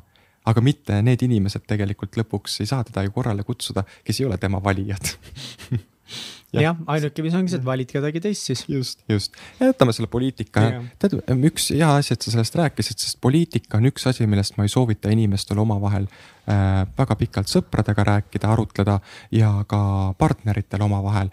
sest see on üks koht, kus inimesed kõige rohkem lähevad nii lõplikult tülli, et tekib taaskord see polariseerumine. Ja ma võin sulle öelda, et kui inimeste maailmavaated tulevad päevavalge sellisel kujul, et mm -hmm. sinul on üks maailmavaade, minul on teine maailmavaade ja me kumbki ei ole nõus enam alla tulema oma sellest seisukohast, see tähendab seda, et peab korraldama revolutsiooni. täpselt sama asi toimub ka ettevõtetes, kus kaks juhti omavahel näiteks tegid mingisuguse otsuse, üks tahab teha ühte otsust, teine tahab teha teist otsust. aga nad omavahel ei lepi kokku, et see peab olema mingi ühine otsus, vaid mõlemal on oma nägemus ja kui, kui seal kumbki ei ole nõus alla tulema, siis on ainukene viis korraldada revolutsioon, lasta kõik õhku. sest süsteem ei saa edasi areneda ega liikuda, kui tekib äh, vastandumine. laseme tekib... siis suhtes kõik õhku. sealt, ei, ma ei räägi kõik õhku. ma niisama tegin mm. nalja, aga et, ma olen su äh, mingil määral nõus. et ja küsimus ei olegi selles, kas sa oled nõus või mitte, lihtsalt kuula. et see ongi see, mis su meel teeb pidevalt, et ta hindab seda, kas see läheb minu mineviku mhm. mm -hmm. kokku või mitte või ei lähe küsige midagi vahepeal. me oleme just Katsiga selles mõttes nagu hea näide, et meil on mingites asjades jumala nagu erinevad arvamused, aga et nagu jah, poliitikast ja, ja mingitest maailmavaadetest on nagu keeruline rääkida, aga samas nagu võikski kuidagi proovida rääkida nii nagu uudishimulikult võib-olla, et okei okay,, et Kats, miks sina arvad nii mis need mõtted on, et yeah. meile, Kats on siiamaani mu parim sõber ja ma armastan teda kõige rohkem. ma nägin kusjuures unes sind üks päev. ja, ja ma mingi hellasin sulle, ma, ma arv-, ma olin purjus aga ma olin unes purjus. aga ma olin nagu juba päriselt ka purjus enne seda. ja siis ma hellesin sulle, siis ma olin mingi, et oo jõu, sa oled nii kallis mulle, teeme, teeme midagi koos Neid, neid kirju, kirju sa oled mulle natuke purjus peale kirjutanud küll. ma olen kirjutanud ka, aga seekord ma olin unes mm.. ma olen Katsile purjus peaga mitu korda kirjutanud, sa oled nii kallis mul ikka, best sõber. Need on need legendaarsed need äh, purjus peaga kõned mul õnneks viimasel ajal neid ei ole listis või ma ei mäleta, kas ma olen kunagi, ma ei joo ju kunagi nii purju, et, et äh, võiks. et saaks midagi korraldada sellist jah? võiks midagi sellist korraldada. ma ei, ma ei peagi hullult purjus olema, see on lihtsalt nagu nunnu tunne noh mm -hmm. Olen, ja mis sinu sees siis sellel hetkel toimub, kui helistab Mihkel sulle purjus peaga? ei, ma ei helistanud ei ole kunagi purjus peaga. seda ma nägin unes. ma olen nagu mingi aa, et noh, ta ei pea isegi noh, ma olen ju kellaajast ka ära vaata ja siis ma olin valmis nii aa, nii nunnu et see on nagu armas, kui tulevad sellised äh, helded äh, tundehetked ja siis, äh, siis sa nagu kirjutad, ma arvan, et see on nagu selles mõttes tore mm. -hmm. mulle meeldib. jah, no nii, no nii. jah, et selle kriitikaga siis on nii, nagu ta on, et tegelikult äh, üsna sageli me peame ikkagi vaatama, kas see kriitika on põhjendatud äh, kas see on adekvaatne kriitika või ta ei ole adekvaatne kriitika. et me ei tohiks minna üldse mingitus, mingitesse selgitustesse või anda talle emotsionaalset tähendust kriitikale. Äh, kui inimene sind näiteks isiklikult ei tunne või kui sinu jaoks tegelikult see inimene, kes kritiseerib, sa näed, et see informatsioon ei vasta sinule või ei tähenda sinu jaoks, siis ära hakka sinna looma seda emotsionaalset väärtust üldse. sest kritiseerivad alati need inimesed, kes ei ole ise kas sinnamaani jõudnud või tahaksid olla tegelikult samamoodi. et kuna nad endast seda valu ei saa või seda puudujääki ei saa tunnistada, siis nad hakkavad teist inimest alla tõmbama selleks, et oleks minust kas madalamal positsioonil või samal positsioonil, sest nii on mul kergem äh, siis toime tulla enda sisemise nii-öelda, kas siis kadedusega, mis on väga aktuaalne et äh, jah. aga kui kriitika või kuidas siis üldse näiteks väljendada ennast nagu selles mõttes, kui noh, ma tunnen, mul on mingi arvamus näiteks Antsust, et kuidagi anda nagu enda perspektiivi aga mitte nagu kriitiliselt, vaid lihtsalt nagu kuidagi, tea, ma tunnen Ants, et äh, see, mis sa seal rääkisid ja võib-olla ei kõnetanud mind nagu sellisel viisil või ma arvan näiteks, et ma ei tea, sinu kuskil kodulehel võiks midagi olla, et kuidas nagu anda midagi enda mõtteid nagu edasi. Mhm. või olen... või kas üldse peab seda tegema või ma, peaks nagu kõik endale hoidma? ma küsikski, et kas ma olen ja. küsinud neid mõtteid, et ma teen ma, ma mõtlen nagu üldse, mitte ainult sinu kohta, vaid ka mhm. nagu just, üks, ükskõik kelle kohta. ma arvan seda, et inimene peaks tegema oma asja mm. ja kui ta küsib tagasisidet. et siis anda. siis, siis anda aga mm. kui ma ei ole küsinud sult seda tagasisidet ja kui ma ei ole küsinud sult seda nõuannet mm., siis ähm, inimesed väga tahavad olla heatahtlikud ja heategijad on need inimesed, kes sillutavad teekonda teinekord meile põrgusse, et kui me hakkame väga palju teiste järgi elama. kui resoluutselt ma ennast väljendan, eks ju, et ilusas eesti keeles, kasutan kõik raskemad sõnad ära. et, et teinekord on need heategijad tulevad meie ellu, minu ümber on ka olnud ju eriti, kui nii-öelda see avalik tähelepanu kasvas, siis need heategijaid tuli nii palju, kõik hakkasid nõu andma, kuidas siis ajakirjanikega suhelda ja kuidas sa peaksid ikkagi nende inimestega mitte suhtlema, nende inimestega sa võid suhelda. ja, ja siis ma nagu kuulasin neid nagu noogutades ära, ütlesin okei okay,, et ma olen oma elu ekspert, et äh, see tähendab seda, et äh, teie ei ole minu elu elanud täiel määral, mul on oma minevikukogemus ja ma otsin enda jaoks seda oma olemist. aga ma ei saa lähtuda sellest, et üks ütleb, et suhtle temaga, üks ütleb, et suhtle temaga. et siis nendel kõigil on ju oma sees hirm, et äkki ma jään sellest sõbrast ilma või äkki, äkki midagi juhtub mhm. seal ta-ta-ta-ta, et nii palju nagu vibratsiooni et siis minu jaoks on üks viis olnud näiteks see, et ma keskendungi oma vaimuannete arendamisele. et ja need inimesed, kes minuga resoneeruvad, ma nendega siis käin seda rada ja kui ma tunnen, et see inimene ei resoneeru minuga, ehk kas ta ei ole siis nii heas kohas emotsionaalselt või ta on äh, väga ründav või tahab sind kuidagi nagu alla tõmmata, siis minu jaoks ei ole see täna koht, kus ma peaksin olema. et milleks ma pean sellise asjaga üldse tegelema, et mul on oma elu Eh, kui sa ei ole midagi kas sama suurt või sama ägedat loonud oma elus ja, ja sa ei ole saanud niisuguseks edukaks, siis mis, eh, mille alusel sa üldse mulle siis nõu annad mm? -hmm. mitte üldse seda inimest vähendades, aga ma küsin, mille alusel sa nõu annad? tavaliselt annavad nõu kõige viletsamad inimesed, kes on siis oma elus nagu hädas tegelikult, jah no neile meeldib vist kriitikat ikka veel rohkem anda kui nõu, see kriitika tuleb ikka tihtipeale nagu kõige ja. õnnetumalt aga noh, on head kriitikat ka ma, ma olen, noh, mis seal on, üks kriitika äh, tõrjumise viis oli näiteks äh, vaimne rokkstaar ja spirituaalne playboy ja mis seal, mis seal kõik nagu kasutusel nagu on olnud. aga Mihkel, mis sinuga nagu toimub, et see on nagu väga huvitav, et mul on tegelikult natuke raske praegu siin äh, olla. et mis sinuga emotsionaalselt äh, toimub, noh energeetilises mõttes. kas sa mõtled nagu praegu siin kohapeal või üldiselt ja, elus? jah, midagi, midagi on nagu võrreldes eelmise korraga on mingisugune nagu krõks käinud mm, huvitav. siin on, äh, kui ma eelmine kord ütlesin, et siin on hästi sügavat kurbust ja kõike mm -hmm. muud tunda, et siis äh, äh praegu hakkab tulema üles sul väga huvitav asi nagu agressioon mm, -hmm. Sisemine. ja, ja paned tähele, kuidas ma seda sus üles kruttisin meelega mm. -hmm. ma pean vaatajate ees vabandama, ma tegelikult räägin väga palju rohkem Mihklil, sest ma räägin alati selle inimesega rohkem, kes mult küsib küsimusi. ja see tähendab seda, et ma provotseerin temas üles tundeid, emotsioone, testisin sind mõnda aega, kui uh -huh. sa panid, said aru. tekitasin sul segaduse kõigepealt ja siis, ja siis sa läksid korra nagu kergesse vastandumisse, kuna see ei läinud sinuga kokku ja siis hakkas sust tõstma ülesse mhm. teatud määral nagu tundeid. Mhm. aga see on või nagu mhm, tahtsid lõpetada? ei, jah. aga see on mõnes mõttes okei okay., et selles mõttes, et ongi nagu mingid asjad, millega ma nagu ei saanud aru mis minu jaoks ongi nagu olulised, tekitavad minus mingeid emotsioone. et aga nagu, kui sa tundsid, kuidagi ma ründasin, seda ma ei tahtnud, aga. mitte, mitte ründada. siis on ei, nagu jah. ma ei võta kunagi isiklikult.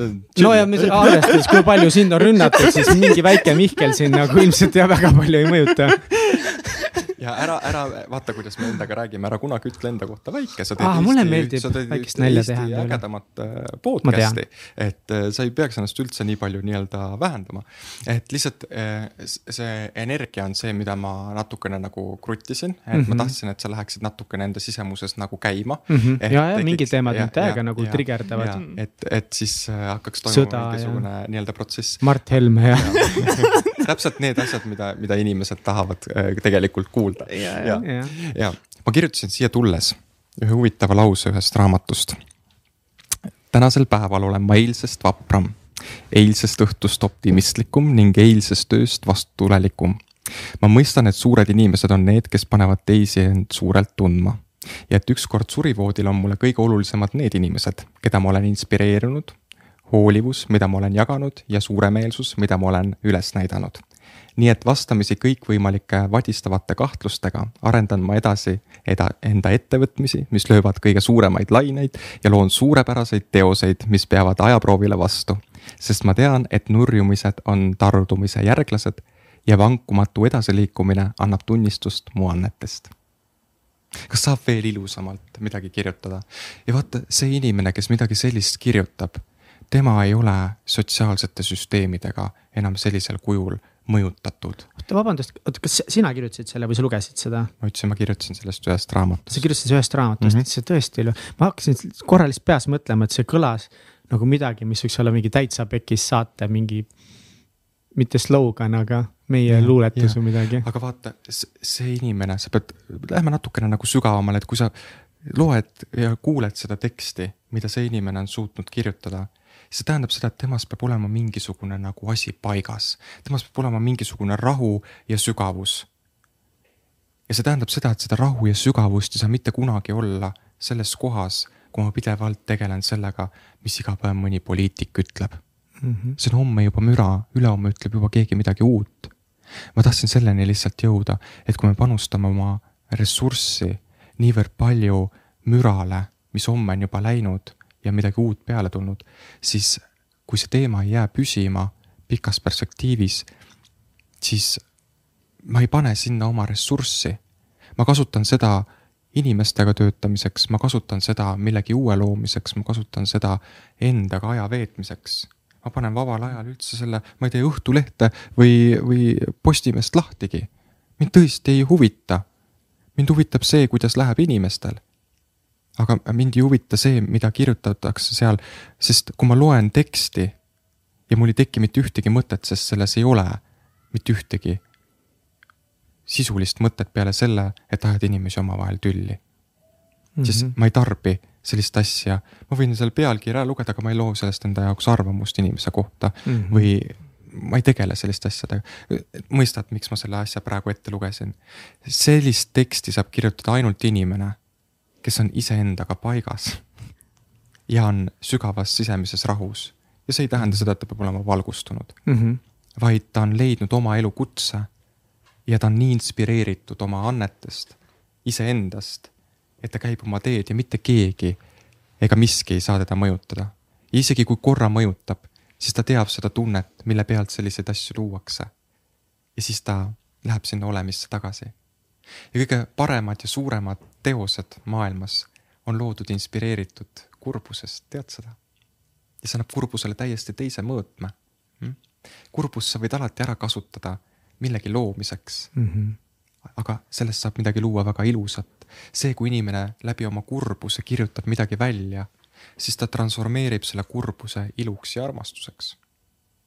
jah ma arvan, et eh, nüüd on, eh, meil on eh, pool saadet läbi, ma arvan, siin on nüüd paslik teha meil vahepeal siin üks, üks mini, hästi mini reklaamipaus, kui meil juba läks jutt siin transformatsiooni peale, ma arvan, teise saate poole me võiksimegi keskenduda siis rohkem näiteks siis tõelise potentsiaali avamisele ja transformatsioonile ja sellistele teemadele, siis hiljuti toimus ka meil siis täitsa pekis transformatsioonifestival neli punkt null, meil olid siis seekord fookuses suhted.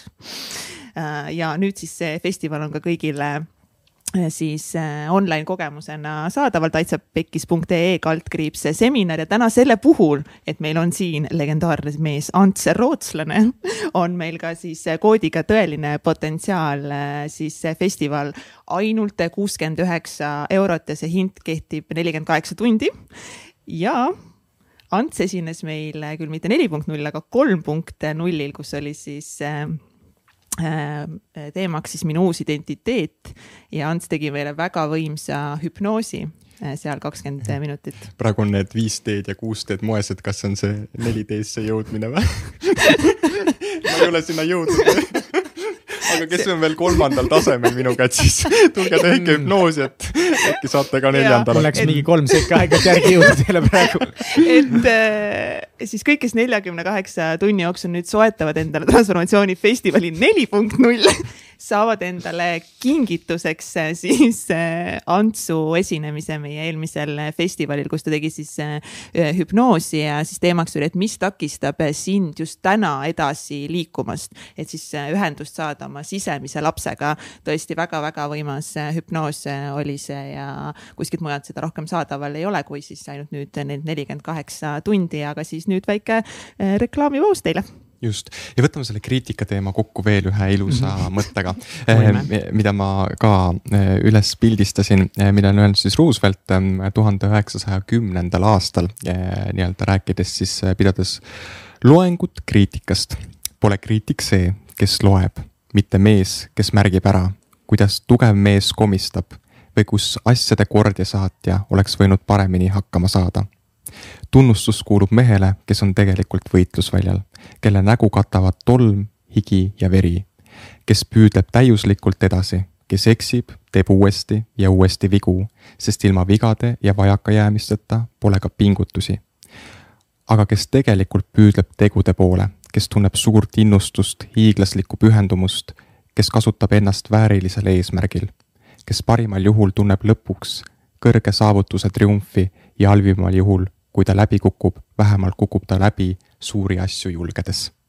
seega pole tema koht kunagi nende külmade ja pelglike hingede keskel, kes ei tunne võitu ega kaotust.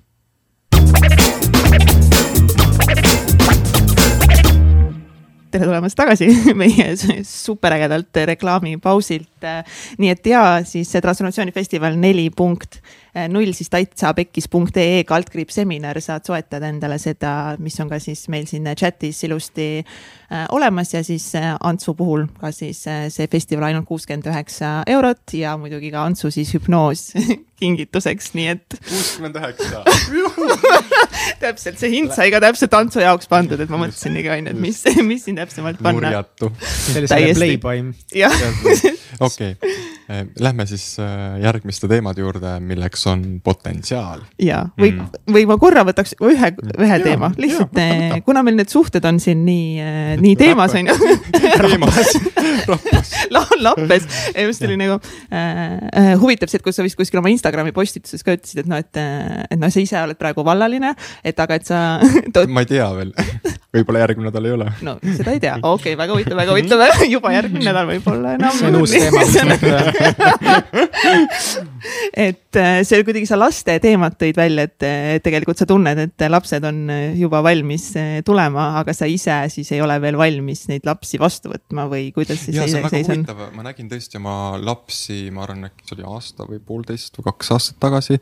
Äh, ma nägin, et see nii-öelda nägemusena ja mulle öeldi äh, nende nimed, ma nägin nende välimust ja, ja mulle öeldi ka see kaaslane, kellega nad tulevad ja mis vanuses nad tulevad.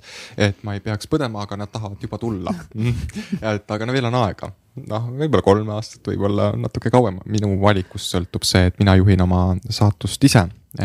Olenevalt sellest siis, äh, mille ma endale valinud olen ja rääkides saatusest, mul lihtsalt tuli üks infokild, mida oleks eh, vajalik inimestele rääkida. inimesed sageli noh, on sellega probleemis, et hea, hea sõna probleemis. et nad tegelevad sellega, et miks mul on nii raske saatus või et äh, minul on eluks saanud nii palju nagu kannatusi mm. -hmm. et ja ma olen nendele inimestele nagu üritanud nagu rääkida sellises võtmes seda, et see oli sinu sündimise hind. et ainult sellise hinnaga said sa siia sündida muidu vastasel juhul oleks sul teistsugune hind eh, elul sündimisel järgnenud. see tähendab seda, et sa oleks elanud teistsugust elu, kergemat elu, aga sul on täpselt selline hind, mida sa pead siis selle elu eest siin, et sa saad siin elada inimeste keskel, vahet pole, mis olukord on maailmas, aga sa saad elada teate, kui suur asi on see hinge jaoks, kui ta saab elada. ma lähen korra esoteeriliseks, sest ma tahan minna ja, ja ma lihtsalt ükskord tulin ühel, ma olen vist kuskil seda ka kunagi öelnud, et ma tulin ühelt Tallinnas kuskilt peolt sõpradega ja ma läksin koju.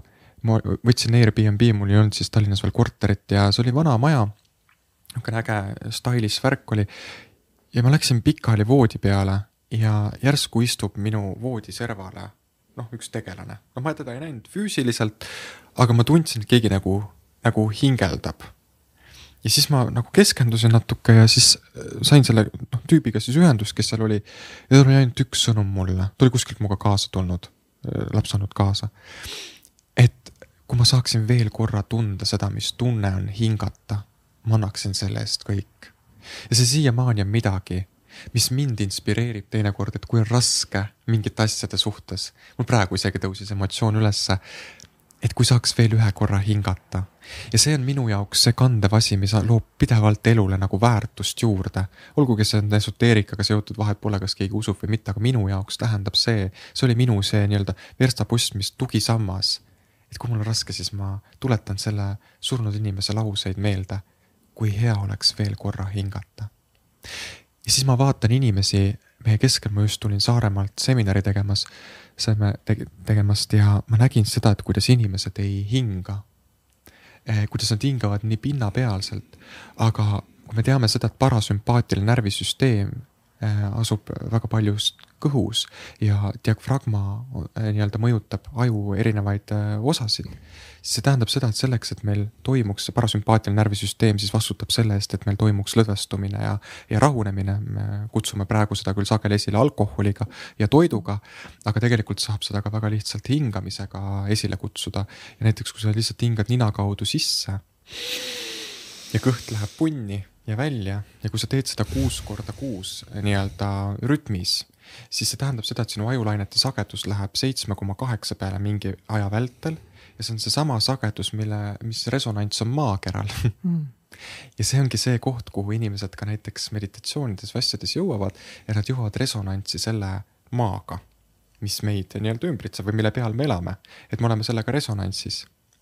ja kui me nüüd sellega jõuame resonantsi, siis meil on jube hea olla. See on väga huvitav, kuhu ma praegu jõuan. Ja siis me esitame küsimuse, mis maailmal viga on. ja siit ma vastan teile, maailmal ei ole mitte midagi viga. Mis inimestel viga on mm -hmm. ja nende poolt loodud süsteemidel. Ehk siis maakeraga on tegelikult kõik väga hästi. Aga kui me inimestena nüüd hakkama ei saa selle väljakutsega, mis meil siin on ja see ei ole see, et ma pean minema esoteeriliselt hulluks kuskile kuusteist, seitseteist, kuigi ma mõtlesin, ma teen nalja ja ma teen järgmise seminari pilet kuusteesse jätad neli ja viis vahele, paned kohe kuuendasse onju. et tegelikult see on päris tore, et kui inimesi see aitab ja arendab, siis miks mitte. et ja, ja mõtlengi seda, et, et leida seda sügavust uuesti üles, et me kasvõi märkaks seda, et me oskaksime hingata. see juba rohkem toob meie enda sisemist nii-öelda sellist ressurssi nähtavaks, sest kui seda hingamist ei ole, siis ei saa ka toimuda mingit mingisugust liikumist sinu elus. see on sama nagu meditatsioon, kus istud pikali maas. ma natuke raamatus võib-olla tegin mindfulness'ina liiga, ütlesin, et see ei ole mingi meditatsioon, sest minu jaoks meditatsioon on ikkagi, haldab kõiki eluvaldkondi, totaalsust, lõõgastust ja kõike muud. aga kui ma olen meditatsioonis, kus ma olen lihtsalt pikali maas ja vaatlen. ja võib-olla natukene hingan, aga seal ei ole sellist nagu midagi, mis tõmbaks seda asja nagu käima mm.. siis seal ei hakka see energia liikuma, lihtsalt paigal seistes see energia ei hakka sinu sisemuses liikuma. Eh, traumad ei hakka kuskile liikuma, sest nemad vajavad mingisugust impulssi, mingisugust tõuget. ja see on üks asi, mida ma kasutan ka oma väljaütlemistes. kui võttes kogu aeg riski, et ma saan peksa ühiskonna käest aga jube vähe on seda juhtunud, sest ma olen ikkagi saanud inimestele selgeks teha, et kui ma midagi virutan kuskil, siis see ei ole sellepärast, et ma tahaks ennast kuidagi tõsta või, või minu jaoks ei ole see roll täna oluline. kus ma nagu olen, et see pjedestaal ei ole oluline, see on minu jaoks kurnav. aga minu isiklik kannatus ei mängi rolli, vaid see tähendab seda, et ma provotseerin inimest, et tast tõuseks üles emotsioon ja ma alati palvetan, siis loodan, et inimesed saaks aru, mis neis nagu üles tõusis et mida nad mulle projitseerisid ja mida nad läbi selle peegelduse said. sest ma järgnen alati energiale, seda, mida inimene tahab saada, seda ma talle pakun. ja kuna minus on nii head kui kurja, siis ma võin pakkuda mõlemat. nagu meis kõigis. just, piiblis juba öeldi, maitseme vilju hea ja kurja puust, jah. aga kuidas sa ise äh, tegeled sellega, et sinu potentsiaal kogu aeg nagu edasi läks, kuidas sa ise ennast arendad ja sa just ütlesid väga huvitava asja, et, et sinu kannatus ei loe, aga samal ajal, kui sa iseendast tahad hoolt kanda, siis minu loeb või? minu, minu asi ei ole rääkida oma kannatusest lõputult inimestele ja tekitada seda tunnet, et oh, tundke mulle kaasa, mul on nii mm -hmm. raske. kuule, mis asja, ma ise vastutan selle eest, mina võtsin sellise rolli, ma saan hakkama ka sellega ja kui ma ei saa, siis ma pöördun mõne inimese poole, kes saab mind juhendada või aidata, aga ma ei hakka oma jälgijate ees äh, kuidagi ennast nagu ohvriks tegema, minu jaoks ohvri roll on üldse väga võõras, ma olen sellest ammu välja kasvanud. et aga räägiks sellest potentsiaalist, et kuidas yeah. ma seda potentsiaali siis äh, Just. inimestes nagu välja toon. esiteks on vaja aru saada äh, sellest, et meid on toonud siia maa peale evolutsiooniline jõud, selline nagu termin. noh, evolutsioon ja evolutsiooniline jõud toob inimese siia maale läbi siis meie ema ja isa, kes on seotud siis veel terve hunnik erineva äh, müsteeriumitega, jah, nimega perekond ja suguvõsa nimega suguvõsa. ja nüüd inimesed tahavad väga oma potentsiaali rakendada, tahavad väga oma elu elada ja mingil hetkel tunnevad, et miski asi nagu takistab. et kas nüüd hakkan tegema ja mul ei õnnestu midagi või ma hakkan tegema, keegi ei märka mind või ma tegelikult loon programmi, et äh, ainult sellepärast ma teen seda, et saada näiteks tunnustust või raha. sest raha loob mulle turvatunde ja see mm -hmm. omakorda on puudu, eks ju, kuskilt mm. -hmm. ja Sigrid Tess on üks selline tore äh, saksa naine äh, lõi konstellatsioonimeetodist ühe eraldiseisva nagu suuna ja ja selline meetod nagu mina ja mina ise, mida ma praegu ka seminaridel nii-öelda teen, kus ta seletab seda asja väga lihtsalt. evolutsiooniline jõud tõi inimese maa peale, nii, ta on olemas ja ta on olemas terviklikult. laps on ju täiesti tervik, täiesti puhas, ühenduses loodusega ja siit on küsimus teile, kuidas te teate, kuidas me oleme ühenduses loodusega? Pole õrna aimugi, äkki Võt... siis, kui ma lähen metsa? ei kuidas sa praegu oled ühenduses loodusega? ma nagu ütleks, et ma ei olegi ühenduses loodusega vale valik, sa oled kogu aeg ühenduses. esiteks sa oled sa ühenduses õhuga, kuidas sa oled õhuga ühenduses? õhk on mu ümber. sa hingad. kui just tahaks ütelda, oot-oot, ma ju hingan seda, oot-oot. just, küsimus, kuidas sa oled ühenduses maaga? ma söön seda. jah, ja sul on kaks jalga ka maas. on mm, -hmm. tegelikult üks oli süles, aga. noh, üldiselt me käime yeah. kaks jalga maas, eks ju. kuidas me oleme ühenduses tulega? Natukene juba teravam, Saaremaal kõik teadsid, ma olin nii hämmastunud teadlikkuse tase on inimestel tõusnud.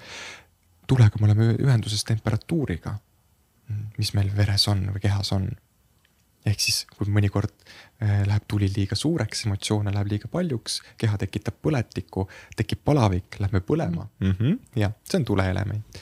ja veres on ka raud ja kõike muud sellist, mida maa sisaldab. ehk me oleme terviklik juba tegelikult olemas.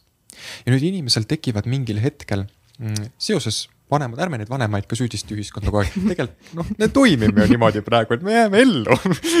Et kõik on ju tegelikult väga hästi. et võtame positiivsema joone, aga siis tuleb üks asi.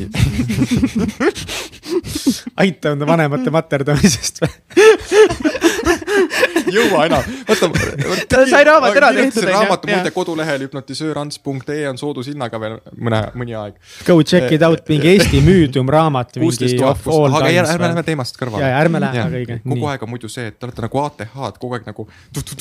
muidugi nii palju asju, millest tahaks sinuga rääkida. aga sa ei jõua kunagi, kui sa lihtsalt ei lase sellele voolamisse minna, siis me, mul on raske nagu minna kuskile tõdemusteni, ma jään pinnapealseks mõttetasandile ja ma ei jää ise rahule sellega siis. see ei ole minu vaimu annetele vastav nii, palun jätka. vabandust. ei no väga õige ma ütlesin jälle halvasti. see ei olnud üldse halvasti öeldud, sa pead oma kvaliteeti hoidma. see ei ole minu vaimuannetele vastav. päriselt uh,. I love it. see oli see parim, parim koht, mis oli. see ei ole Antsu. Te ei tea, mis me siin pausi ajal tegime nii, nii tuleme tagasi. mina, saite aru, see, ma üritan inimestele lihtsalt, mitte üritan, vaid ma selgitan lihtsalt. jah, ühendus loodusega. ehk siis me sünnime, me oleme tervikud, nii. ja nüüd on selline objekt nagu mina ise Saaremaal väga huvitavalt üks naine ütles, et kas see on siis ego. ma ütleksin jah, et see on meie väga suur ego osa, aga ma ei hakkaks seda läbi ego kirjeldama, vaid see on nüüd see koht, mis tahab saavutada seda oma nii-öelda sisemuse jaoks midagi hakkab väljast otsima ma tahan saada rikkaks, ma tahan saada seda töökohta, siis ma saavutan selle, selle. ma tahan äh, saada armastust, ma tahan saada kõike. ja nüüd see mina ise nagu soovid on niivõrd suured ja me, meie see mina, kes tervikuna sünnib, on tulnud läbi seitsme põlvkonna, kus on tulnud erinevaid äh, sündmusi kaasa, meie lapsepõlves juhtub erinevaid sündmusi. ja nüüd see mina ise eraldub sellest mina tervikust ära ja hakkab otsima väljastpoolt lahendusi sellele tervikule minale kas see oli kergesti arusaadav või oli keeruline? ehk siis, ehk see, ehk see mina on tervik, kes sünnib mm, -hmm. nii, ja siis tekib olukord, kus juhtuvad sündmused, kus meid lõhutakse yeah. natukene ära mm. -hmm. no kas ühiskonna struktuuride tulemusena. ja sellest siis ongi see, et see mina ise eraldub nagu ära ja mina jääb ikka alles, see tervik, aga me kaotame temaga ühenduse see ongi see, et me ei hinga enam normaalselt, me ei suuda lõdvestuda, sest me oleme siin pinges mm. -hmm. see mina ise tahab kogu aeg midagi lahendada kellegi jaoks. üks suur osa, mis takistab meil äh, potentsiaali saavutamast, on see, et selles mina ises on väga palju soovi teha ära midagi oma vanemate jaoks või selle eelnevate põlvede jaoks. ehk see mm. varjatud lojaalsus on niivõrd suur, et me loobume pigem endast põlvkondade kaupa järjest, kui elada oma elu ja väga suur osa sellest mina isest kaotab ära neid saavutusi ja tahtmisi juba väljaspoolt kompensatsioone sellele mina tervikule, mida ta otsib. kui, kui me lahendame need teemad seal ära ja nüüd see on väga lihtne. Äh, Sigrid Essen tegi selle väga lihtsaks, et ei pea alati tegema väga keerulisi äh, nii-öelda konstellatsioonitöid siis või suuri terapeutilisi töid vaid ta pani välja, te võite kodus seda teha, see on täitsa turvaline. pange välja lihtsalt mina, terviklikkus, ühendus loodusega, lihtsalt noh, lähen näiteks katsi juurde, panen su kätest rolli, ütlen, sa oled mina. ja, ja teise rolli pange mina ise ja pange sinna sisse see oma soov, mida te kõige rohkem oma elus soovite. no näiteks, ma ei tea, olgu see siis, kas tegelikult inimene soovib lihtsaid asju, ma võin teile öelda, armastust, rahu, sest kui need on olemas, siis kõik asi voolab ise kõik muu on juba kompensatsioon. ja siis pange need vastakuti ja vaata, kas nad näevad üldse üksteist. kas neil on võimalik omavahel ühenduda ja kui ei ole, miski takistab näiteks või mina ise hakkab tundma mingeid raskeid tundeid või ei saa vaadata näiteks mina poole, siis pange sinna vahele padi või mingi ese ja võtke välja see takistus sealt vahepealt, mis takistab teil minani tagasi jõudmast. Võtke lihtsalt rahulikult välja, sealt kahe vahelt. panete siia kõrvale, vaatate seda korra, võib-olla tekib mingi tundmus, kes see on või mis see on, võid sinna öelda vabastavad laused, mis sul enda seest tuleb ja võtad nii palju asju sealt välja, kuni sa tunned, et see mina ise ja mina saavad kallistada. ja niimoodi me saavutame väga kiiresti oma potentsiaali, sellepärast et me saame välja võtta takistused, mis meid takistavad, ma ei räägi siin keerulistest psühholoogilistest konditsioonidest, ma räägin ikkagi nendest inimestest, kes üldjuhul eh, emotsionaalselt saavad endaga hakkama. et kes lihtsalt tunnevad, et eh, tahaks seda rohkem nii-öelda saavutada oma elus sellist terviklikkust ja voolamist ja kui me võtame niimoodi ükshaaval need välja seminaridel, kes on huvitatud, siis me seminar, meil mingid kohad veel on olemas Tallinnas, Tartus, Pärnus. et siis me näitan seal praktikas ära, kuidas me võtame selle välja, kuidas seisund automaatselt muutub. Saaremaal me tegime seda, panime välja. Ja mõlemal juhul tuli surnud eh, noh, ema või isa seal tuli välja. Ja kui inimene on surmaga või leinaga niivõrd tugevalt seotud alateadlikult, siis see omakorda sulgeb meid justkui oma elu suhtes nagu ära. Sest surmaenergeetika on selline, mis nagu paneb meid sulgemisse, paneb meie sisemaailma sulgemisse ja meil tekib selline tunnete nagu kivistumine natukene, noh nagu ka siin mm ühiskonna raskete teemade puhul mul tekib apaatsus, ma kaitsen ennast. et ja siis ei saa ka see potentsiaal voolata, sest potentsiaal on väga tugevalt seotud sinu keha tasandiga. tahaks korra selle mm, selle kohta, just selle harjutuse kohta küsida et.... kas inimesed näevad selle laua peale ka või? Kandja, et äh, näiteks äh, just ma küsingi võib-olla selliste nagu, ma olen sihuke noh, analüütiline, mingi realistlik inimene ja, ja võib-olla osadel on sama mure, et. et ma olen enne ka proovinud mõnda sellist harjutust teha ja mis mind vahepeal natukese nagu takistab, ma olen oma peas selle läbi mõtlenud, ma tahan põrgatada sinuga. ongi see, et vahepeal mul tekib nagu hästi see tunne, et ma tahaks seda harjutust õigesti teha et okei okay,, ma tahan nüüd õigesti selle päris mina tõsta sinna kõrvale ja siis mul tekkis tunne, et okei okay,, et kuidas ma õigesti ette kujutan nagu neid äh, mingisuguseid takistusi seal. ja mis, mis on nagu minuga juhtunud, kuulates võib-olla sind ja mingeid teisi inimesi ajapikku. ma olen nagu hakanud aru saama kuidagi, et võib-olla ei olegi nagu päris sihukest ühte õiget viisi, kuidas harjutust teha, vaid lihtsalt usalda, mis iganes nagu tunne sul nagu tuleb, et kui no mina olen näiteks hästi visuaalne inimene, et ma, no mul tulevad ka mingid kujutatavad pildid, et siis ma kujutangi sihukest musta lõngakera posu. ja, ja mind on nagu hästi palju vahepeal nagu piiranud see, et ma jään sellesse mõttesse kinni, et kas see on nüüd õige asi nüüd ette kujutada. kui sa saad mu nagu sihukest challenge'ist aru, mis mul on olnud? esiteks üks asi, mida sa pead mõistma, et äh, see, mida sa teed omamoodi, sa teed seda õigesti. ma ütlesin mm, -hmm. see on täiesti ohutu, järelikult ei saa sellega kuidagi sa ennast kahjustada. sa paned välja, sa võid ka iseennast panna minaks ja seejärel paned kellegi mina iseks, võib-olla sa paned sinna lihtsalt valged paberilehed. paned valge paberilehe, paned selle minaks, see on minu tervik. siin on mina ise, minu soov, mis iganes ka ei ole. ja siis ma käin kõigepealt ühe koha peal, tunnetan, mis seal toimub ja siis ma lähen ise teise koha peale ja tunnetan, mis on erinevus selle koha peal. täpselt senikaua, kuni mul tekib hea tunne selle teise mina, mina suhtes nii-öelda, et ma saan sinna liikuda. ja ja see toimib ülilihtsalt, kui me võtame selle välja sealt selle vahelt, selle jama.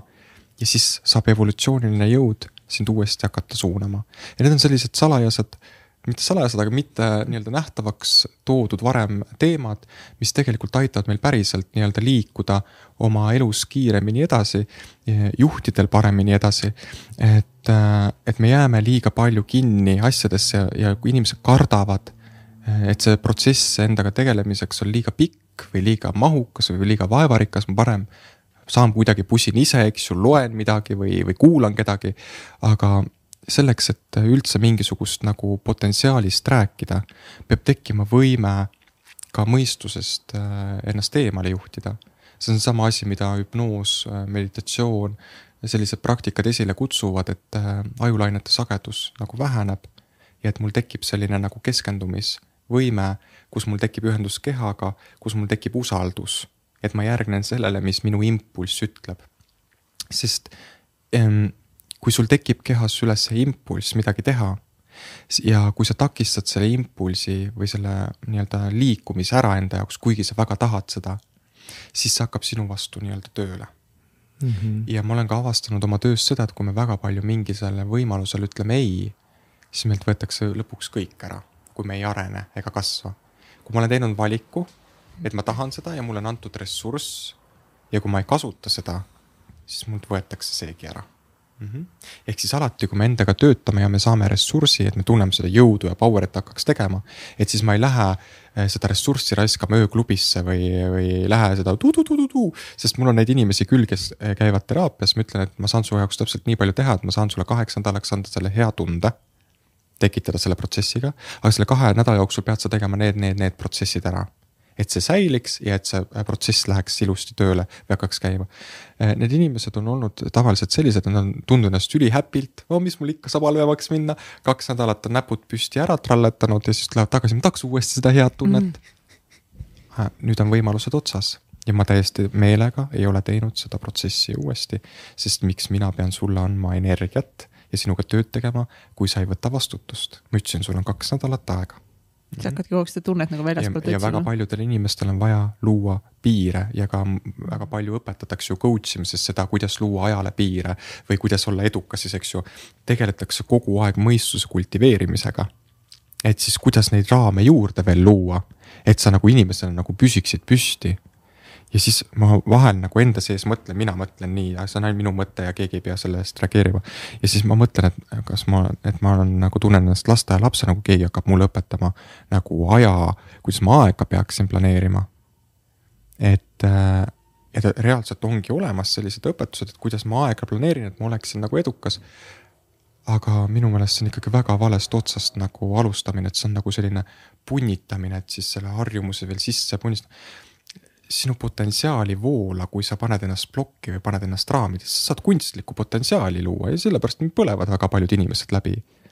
et selleks, et äh, asjad voolaksid normaalselt, peab sul olema just sellest nii-öelda evolutsioonilise jõuga ühendus ja sul peab olema see tunne nagu sees. et see tunne aktiveerib selle tegevuse, kuhu sa nagu liigud.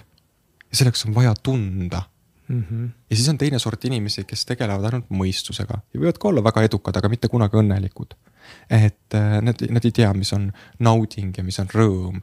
Nad võivad seda kogeda võib-olla äh, narkotsi pannes või, või alkoholi juues, aga nad ei tunne sellest nii-öelda rõõmu, sest see kõik on nii pingeliseks ehitatud. ja teinekord ma toon enda pealt näite kuidas äh, me satume väga äh, teinekord keerulisse olukorda ja äri on samamoodi süsteem, kus me toimime. ja kui mina aasta alguses tundsin täielikku nagu sellist jõuetust, kehal tekkis kaitsereaktsioon ja ma tundsin seda kõike liiga palju, siis minu õpetaja ütles mulle hästi, Ants, aga sa oled ju asutajaliikme rollis, sa oled tegevjuhi rollis sa oled turundaja rollis, sa oled laomehe rollis, sa oled kirjaniku rollis ja noh, neid tuli vist seitse või kaheksa tükki. ja, ja, ja päeva jooksul sa pead neid rolle hästi kiiresti vahetama, mul tuleb see suurepäraselt välja. aga kui on liiga palju kõike, et see kaheksa rolli järsku korraga aktiveerub, muidu need päevade peal ei olegi võib-olla midagi, aga nad ühel päeval ja kuu aega järjest peavad olema aktiivsed, siis see on inimpsüühikale mõistusevastane. ja siin ei aita mingit jambo-laia, siin tuleb lihtsalt aru saada, kuule sul on liiga palju rolle, sa pead endale abilise võtma näiteks, eks ju. või siis tegema eh, sellise, üks lüke on ka see hea, et ma ütlen endale selle tegevuse alguses, et praegu siin ma olen näiteks kõneleja rollis mm.. või praegu siin ma olen terapeut. või, või ma lähen kuskile mujale sõpradega, siis seal ma olen sõber. ma ütlen endale kõva häälega peas teinekord selle lause, sest nii mul aju registreerib ära, et ma vahetasin rolli ära ja mul näiteks, mul on äh, kambes maal on siis vanad sõbrad ja nemad ütlevad, et mul näiteks esimesed viisteist minutit on selline terapeudi hääl, nad kutsuvad seda terapeudi mm -hmm. hääleks mm. -hmm. ja siis nendega koos, ainult nendega koos tuleb mul see vana hääl tagasi. ja siis nad märk- äh,, ütlevad mulle selle koha ära ja siis mul on endal nagu see. aa, mul oli kunagi selline hääl et ja see jääb nagu sisse, sest, sest mm. ma alati olen öelnud, kui ma avalikke esinemisi teen, vahet pole, mis mul siit suust välja jääb. ma alati räägin tervendavas kõnes, mis tähendab seda, et ma kannan energiat üle inimestele ja see tähendab seda, et see lõõgastab neid, see rahustab neid. ja väga paljud inimesed on kirjutanud ka, et siin ja. täna ka, et see Antsu hääl rahustab. ja mm, -hmm. et ja see ei olegi nii väga tähtis, sest kui inimesed juba kuulavad seda, sellel informatsioonil ei ole nii väga tähtsus, sest minu mõte on ajada ikkagi seda beeta ajulainet segadusse. et inimesed oleks segaduses, sest äh, kui, kui sa oled segaduses, siis sa vähemalt ei mõtle mingeid rumalusi enda selle välja aga mis see segadus annab, et ma ei mõtle see, neid rumalusi, aga kas ta loob nagu mingi. lõpuks, kui tekib segadus siis aju annab alla ja ta läheb lõõgastusse. teate, ma tunnistan teile üles, ma tegin Eduakadeemias midagi, mida ma ei oleks võib-olla pidanud tegema. seal oli see äh,, ma räägiks nagu sõpradele, vaata kahe tuhande inimesega seal oli see webinar äh, ja mind kutsuti ka sinna, ma tükk aega mõtlesin, kas ma lähen või ei lähe, sest ma eelmine kord nagu tegin ja oli nagu äge. ja, ja ma ei tahtnud liiga palju esineda. ja ma ütlesin, et okei okay,, et ma lähen. mul oli mingi imelik tunne ja ja ma ei mäleta, mis selle inimese nimi oli, Tiina, Tiina ähm, ma ei mäleta, mis ta nimi oli, ta esines enne mind ja ma läksin sinna, ma ütlesin Ingale või kes seal iganes oli, ütlesin ei. Tanel Padar või keegi oli seal ühesõnaga, ma ütlesin, ma olen täna väga revolutsiooniline, ma lähen revolutsiooni korraldama. ma ei teadnud üldse, millest ma nagu lähen, mul oli tegelikult plaan paigas, sest ma teadsin, mis mult nagu taheti. ja mõtlesin, et kuna on noh, igast sorti erinevaid inimesi, poemüüjast kuni võib-olla firma juhini, et siis ma pean kuidagi nagu mõistlikult ära vedama selle, ja ma sain, no ma sain nagu aru, et ma ei saa nagu oma olemises nagu olla päris, sest Aha. inimestel, vaata enamus inimestel võib see olla võõras, kes ei ole minuga nagu tuttav. ja ma kuulasin, et Tiin, nimetame ta Tiinaks, ma ei mäleta praegu selle inimese nime miskipärast ei tule. ma näen, et ta räägib minu teema ära. ja mul oli nii, et okei okay,, ma, Ants, sa peadki selle kuradi revolutsiooni siin praegu läbi viima ja mida ma siis tegin, mul aktiveerus, minu mina kadus täiesti nagu ära mul, mul oli ainult nagu kanal, ma istusin sinna maha. ma ütlesin, peas mõtlesin, Roland, kuidas sa sellega hakkama saad? ja mõne hetke pärast, kui Roland hakkas mind intervjueerima, no mul aktiveerus siis kõik. no põhimõtteliselt ma ütlesin talle, et ole tasa ja, ja ta pani selle tahvelarvuti käest ära. ja siis oli meeskonnal kaos ja inimestel oli kaos ja, ja siis äh, ma rääkisin, ma ei mäleta, millest ma rääkisin, see oli väga oluline teema äh,, ma rääkisin sellest, kuidas mõistuse sellest duaalsusest, samamoodi sellest võitlusest välja tulla ja hirmust välja tulla. aga ma tegin seda väga revolutsiooniliselt, ma tegin seda väga tugeva energiaga ja kuna eelmised inimesed olid õpiku järgi ilusti niimoodi korralikult nagu peab esinema, eks ju. no mitte halvasti öelda mm, -hmm. ma ise esinen ka vahel niimoodi.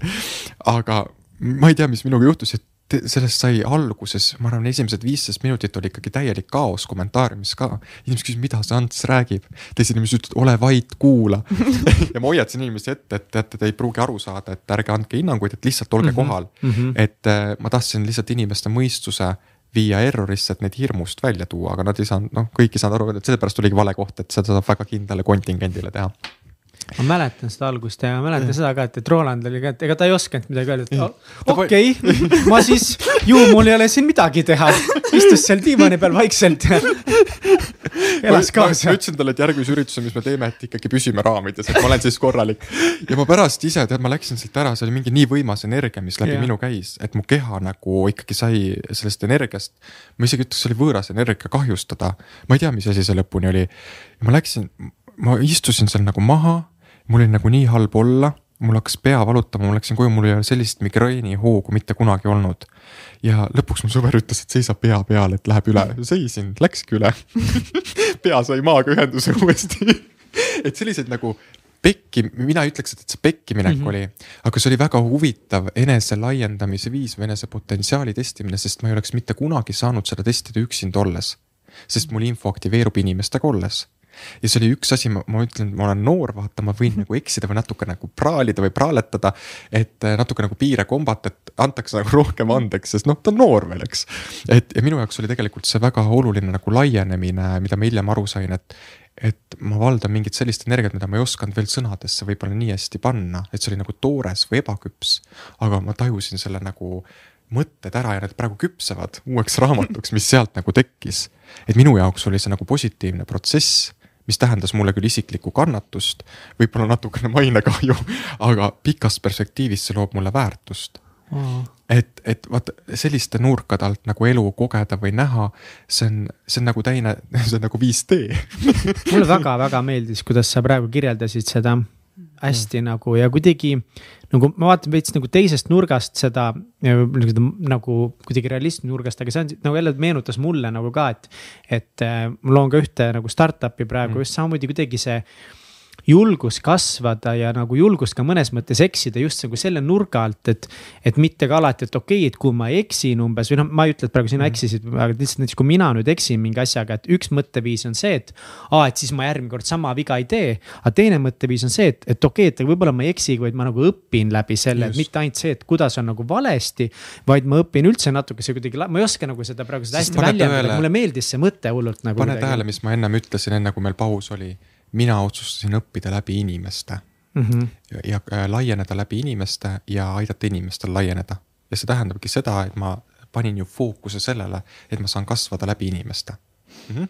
jah, ja see tähendab ka teinekord seda, seda võib ka tulevikus veel tulla, et Ants paneb hullu veits ja, ja. kõik me peaks vahepeal veits hullu panema. ja, ja see ongi mm. ju see koht, kus inimesi nagu raamist välja tuua, kõik räägivad nagu nii, nagu kaameras rääkima peab aga siis ütleb, teeb keegi täpselt seda, mida tema tahab.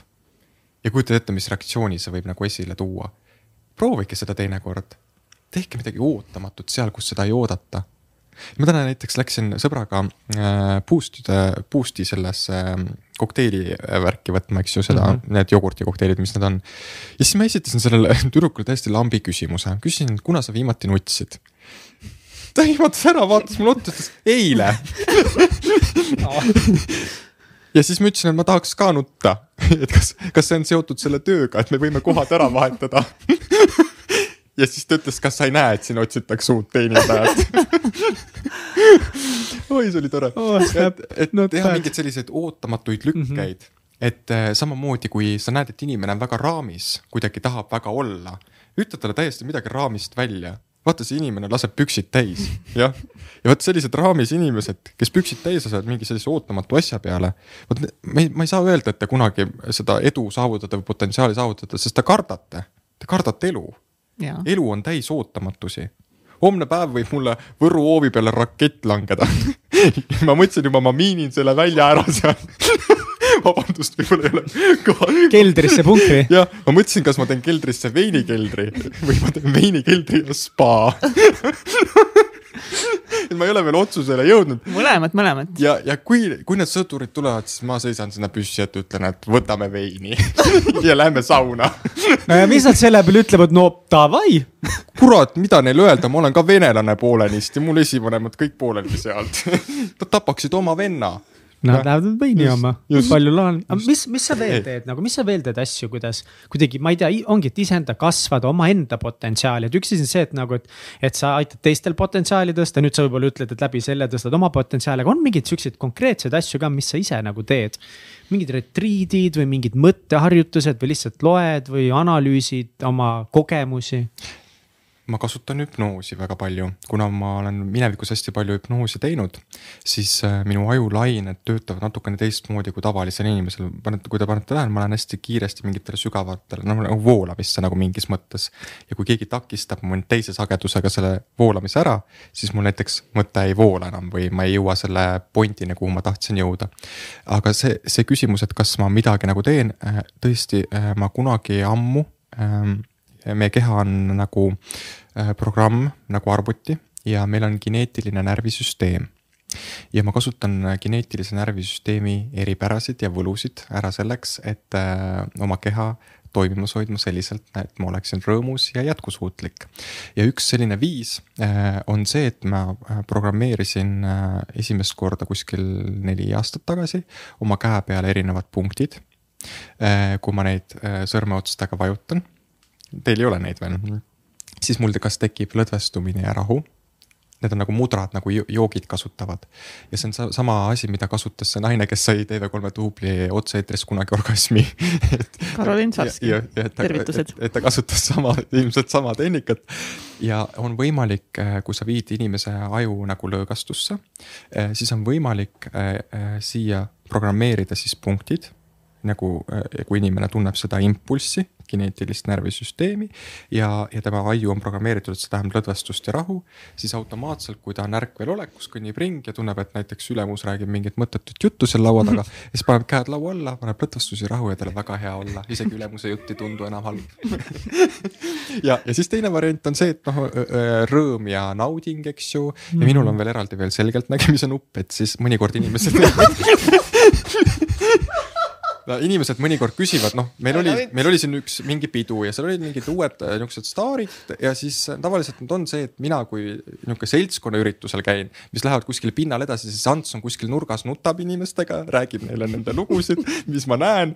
ja, ja sest mul ei paku lõppkokkuvõttes, sest inimesed on tavaliselt selleks seisuks juba kas üle joonud ja, ja siis äh, mind huvitab teised asjad natuke. ja, ja see, kui inimesed küsivad sageli, kuidas sa nii kiiresti neid nagu rolle vahetad, et ühel hetkel ma võin olla nagu sõpradega ta-ta-ta-ta, järgmisel hetkel ma juba võin öelda, ma näen seda ta-ta-ta-ta-ta.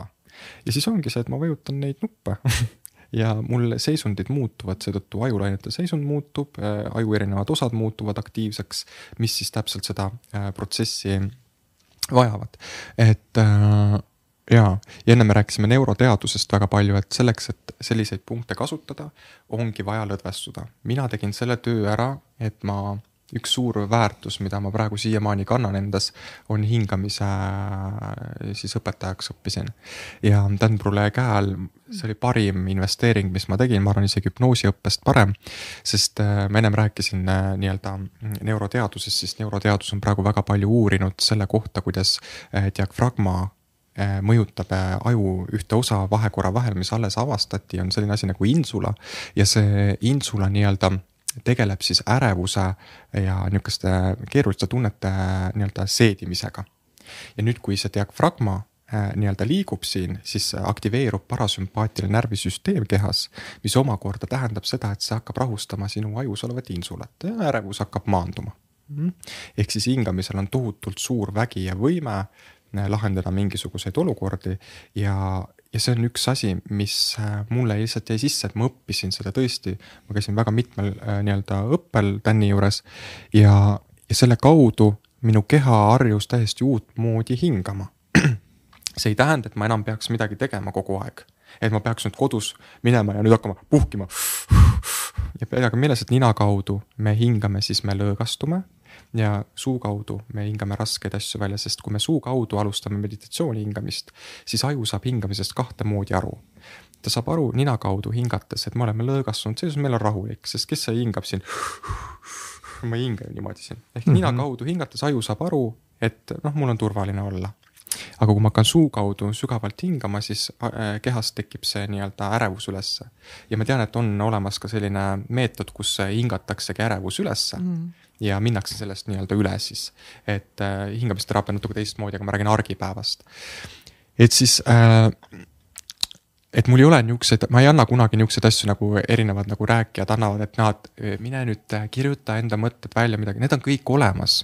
Kõik need nõuanded on olemas, mida need inimesed siis teevad, kas nad mediteerivad, mis iganes ma kutsun seisundeid väga kiiresti esile, ma ei pea tõesti tegelema sellega, et äh, midagi muuta, mul on üks mure ainult, kuna ma kogen emotsioone nii palju, siis minu kõht ei seedi neid tihtipeale ära ja mu kõht muutub valusaks. ja, ja sellega ma tõesti pean nagu tegelema ja mu ema õpetas siis mulle tegema kõhumassaaži näiteks. et mul on teatud punktid, mida ma pean masseerima ja see pinge läheb kõhust nagu ära sest kui sa inimesena ebainimlikult palju koged päeva jooksul emotsioone, noh, hommikul oled ühes kohas või õhtul oled ühes kohas, siis oled raadios, siis on mingisugune vastuvõtt, siis sa oled juba podcast'is. et siis sa pead kogu aeg ümber rääkima, keha vaesekene, temal on ju vaja natuke aega, et noh puhata ka. sest keha vajadused ei ole need, mis minu mõistuse ja mina ise kogu aeg tahab, eks ju luua -hmm. et, et siis jah, et ähm, ma mõtlen praegu välja, kas on midagi ma seminaril annan need punktide mm, -hmm. ma Saaremaal testisin ka seda, kuidas see töötab ja tõesti, ma arvan et, et üheksakümmend kaheksa protsenti inimestest ütlesid, et jah, see töötab, sest me testime kohe ka järgi, et kui me tuleme välja, vajutame seda nuppu ja siis inimene saab tunda seda seisundi muutust endas.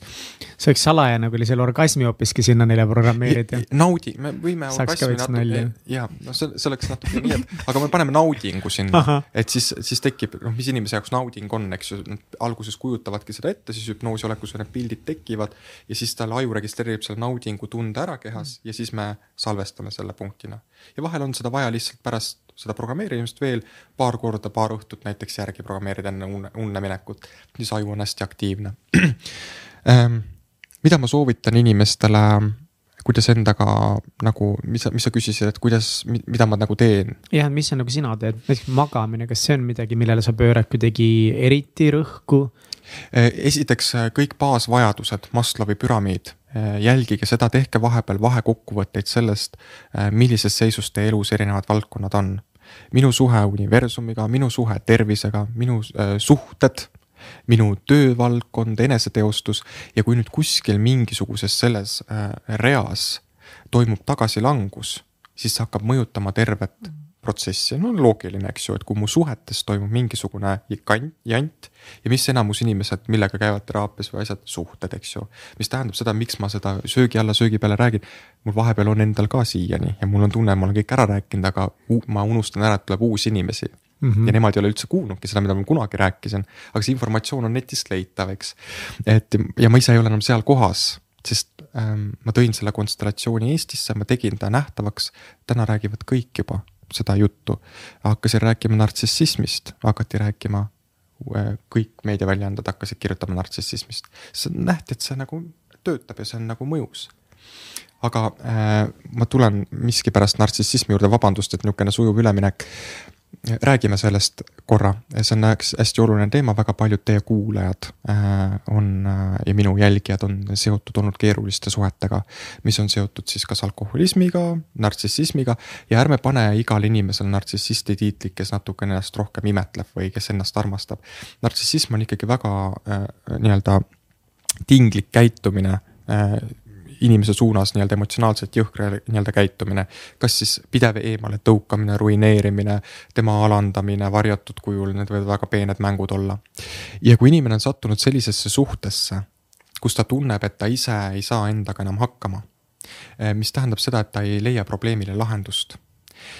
ja sa jääd ohvriks, siis pidage seda meeles, et ohver alati kontrollib olukorda ohver hakkab eh, mängima sellist mängu mm -hmm. alateadlikult, mitte ta ei ole halb, ärge nüüd lugege mm -hmm. silte sinna juurde, aga ohver hakkab mängima mängu, et mul on kannatus. ja see teine inimene põhjustab seda, tema, see teine inimene on automaatselt halb. Eh, tuleb koalitsioon, kaasatakse sõbrannad, kõik muu sinna juurde ja siis võib-olla keegi tark veel ütleb äh, sotsiaalmeedias või Youtube'is nagu Ants või keegi. ütleb, et näed, see ongi nii ja siis ma nagu kinnitun sellesse ja ütlen, et see inimene on halb, ma pean tast lahti saama, aga ma ei saa ja see olukord on hull ja isegi kui ma olen tast lahus, siis ma ikkagi ei saa tast lahti emotsionaalselt. Äh, minu küsimus on selles. kelle lugu või mida sa läbi selle partnerlussuhte nähtavaks tood, sest ükski kannatus, mis on mis on selline, mis ei lahene iseenesest nagu ära. Äh, kuidas ma ütlen? mis ei ole sinu poolt nagu lahendatav, millel ei ole nagu lahendust, mis on sinust suurem.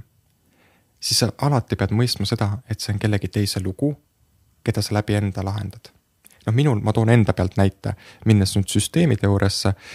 kui mina olin nartsissistliku inimesega lähikontaktis, siis äh, minu jaoks oligi see, et äh, minu suguvõsas on inimesi, kes on ilmselt saatnud inimesi küüditamisele ja, ja on ka olnud võib-olla seotud mingisuguste selliste pealekaebamissüsteemidega, mis on inimesi hukka viinud.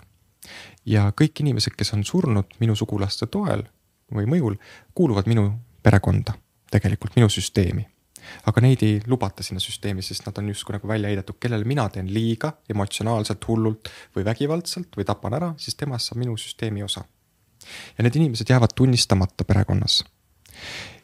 ja see ohver nüüd sageli hakkab tooma nähtavaks neid, kui sina oma suhtes satud raskesse suhtesse, mis hakkab juba sinu tervist, noh, minul oli nii, et tõesti arstid ütlesid, sured maha, noh. et siis minu töö näitaski seda, et see oli seotud väga konkreetselt, ma tahtsin läbi enda tuua nähtavaks kõiki neid surnuid, kes olid kunagi jäänud tunnistamata, kelle surm oli jäänud tunnistamata. aga kelle otsene mõju oli minu sugulastel sellele, nende surmale. ja teine variant on see, et laps on näinud lapsepõlves lihtsalt, kuidas isa käitub oma emaga. Et tema jaoks on tegelikult turvaline kannatus, minu jaoks on äh, kannatus nii-öelda turvaline suhtevorm. kui ma ei ole tegelenud nagu selliste asjadega, ma ei oska nagu noh, ongi minu jaoks kogu see nii-öelda nagu eelnevate põlvkondade kannatus on noh, väga raskesti hoomatav asi. aga et ma nagu ma näen seda küll, et, et kui on mingi kannatused raskes suhtes. et, et, et ku, või nagu, kuidas ma saan aru, et kas see nüüd on siis nagu minu kannatus või ma kellegi teise kannatust pean läbi või kuidas ma nagu seda tunnetan? kui sa ise, ükskõik mida sa ka ei tee, mitte midagi ei hakka tööle. et kui ma püüan enda probleemi lahendada yeah. ja see ei lahene mitte kuidagi ära ja see tekitab võib-olla isegi pingeid nagu juurde. siis sa pead alati mõistma seda, et kõik asjad, mis on sinust suuremad, mis sa oled võtnud enda kanda, koormana kanda, sa ei saa neid lahendada, sest sa ei ole nii suur tegelikult. mõistad? hierarhia seadus. Mm. et kui ma liigun kellegi lugu lahendama. aga võiks nagu tekkida tunne, et ma lihtsalt ei oska, et äkki on nagu asi selles, et ma kuidagi aeg näen seda, et ma lihtsalt ei oska või et ma olen saamatu, et kuidas ma ei suuda sellega hakkama saada, olgugi et ma proovin mm. -hmm. ja see on see ohvrimeelsus yeah., eks ju. jah ja, ja., just. et ja selles, et äh, see ju on väga hea süvendamise vorm, endal ohvrimeelsuse süvendamise vorm. mul on väga raske hoomata seda. ja siis on minul nagu tekib ohvrimeelsele inimesele küsimus aga mis on see võimalus, et ma saaksin hakata seda hoomama mis on see, mida ma peaksin veel selle kohta teadma, et see oleks minu jaoks hoomav või et see tõestaks ennast mulle, et jah, see võib olla midagi, mida, mida ma võin uurida või vaadata et, et mul on väga lihtne öelda tegelikult toimuvatele asjadele, et ma ei hooma seda, ma ei saa sellest aru või see on äh, esoteeriline, mis iganes. ja sellega sageli ka ohvrid või kaassõltuvuses inimesed blokeerivad niimoodi ära lahendused enda jaoks. keegi neile soovitab midagi aga nüüd, et minu puhul näiteks see ei tööta või ta-ta-ta-ta või et ma käisin nii palju teraapiates, mitte keegi ei aidanud mind. klõks ohvrimeelsus sisse, näete, ma tõestasin teile mm, -hmm. ma mhm. käisin nii palju teraapias, mitte keegi ei saanud mind aidata, ärge tulge rohkem pakkuma, ma naudin kannatust. et, et selliseid nagu alateadlikke manipulatiivseid programme me kanname enda sees ja samamoodi äh, see nii-öelda narcissistlikus suhtes me tegelikult parandame midagi enda jaoks ja see teine inimene, kes on siis agressiivsem pool, eks, tema tegelikult järgneb meile mingil kujul, ehk siis tema toob mingit kannatust minu sees nähtavaks. mul oli üks naine, kes, mitte minul ei olnud naine, aga, aga üks naine, kes, kellel oli isa, kes, isa peksis ema ja siis see isa suri ära, aga ema väga armastas, oli ka ohvrimeelne ja nii edasi. ja ei saanud sellest nii-öelda üle ja see kõik kulmineerus ka lõpuks äh, sellega, et äh, siis see lein jäi läbi tegemata. ja, ja siis tuli välja, et sellel emal oli veel omakorda isa ära surnud ja seal vanaema ei saanud sellega hakkama ja nii edasi, kamma jaa. ja lõpuks siis oligi see, et siis see tütar sai endale süsteemi, mis vastas sellele, et see saab tekitada kannatuse ja lõpuks siis tuleb see hirm ja valu ja üksi jäämine ja nõrk olemine, kõik sellised leinasümptomid tulevad nähtavaks. ja, ja siis ongi küsimus, et noh, kelle leina ma siis kannan või kelle valu ma siis kannan. üks hea asi, kuidas ära selekteerida enda sellist tunne. ja kui sa ei tunne tundeid, et sa ei saa aru, mis on minu tunne, siis oled raudselt kellegiga üle seotud. kui ma ei saa aru oma tunnetest et mis mu sees praegu nagu on ja ei oska seda sõnadesse panna, kas on kurbus, valu, mis iganes. siis on raudpolt, kas on traumeeritud ehk siis on apaatsus, mis on nartsissistide puhul üks äh, põhjusi, miks nad on sellised. ja teine variant on see, et on tunded nii segunenud kellegi saatusega, põimumine nii-öelda nimetatakse seda. ja, ja ma ei saa enam aru, mis on minu lugu ja mis on kellegi teise lugu. ehk siis esimene asi, mida ohver võiks teha, küsida küsimuse, mitu protsenti sellest tundest kuulub praegu mulle. ja mitu protsenti kuulub kellelegi teisele. ja ma isegi ei pea otseselt teadma kohe, kellele teisele. ja siis see esimene number, mis sulle pähe tuleb.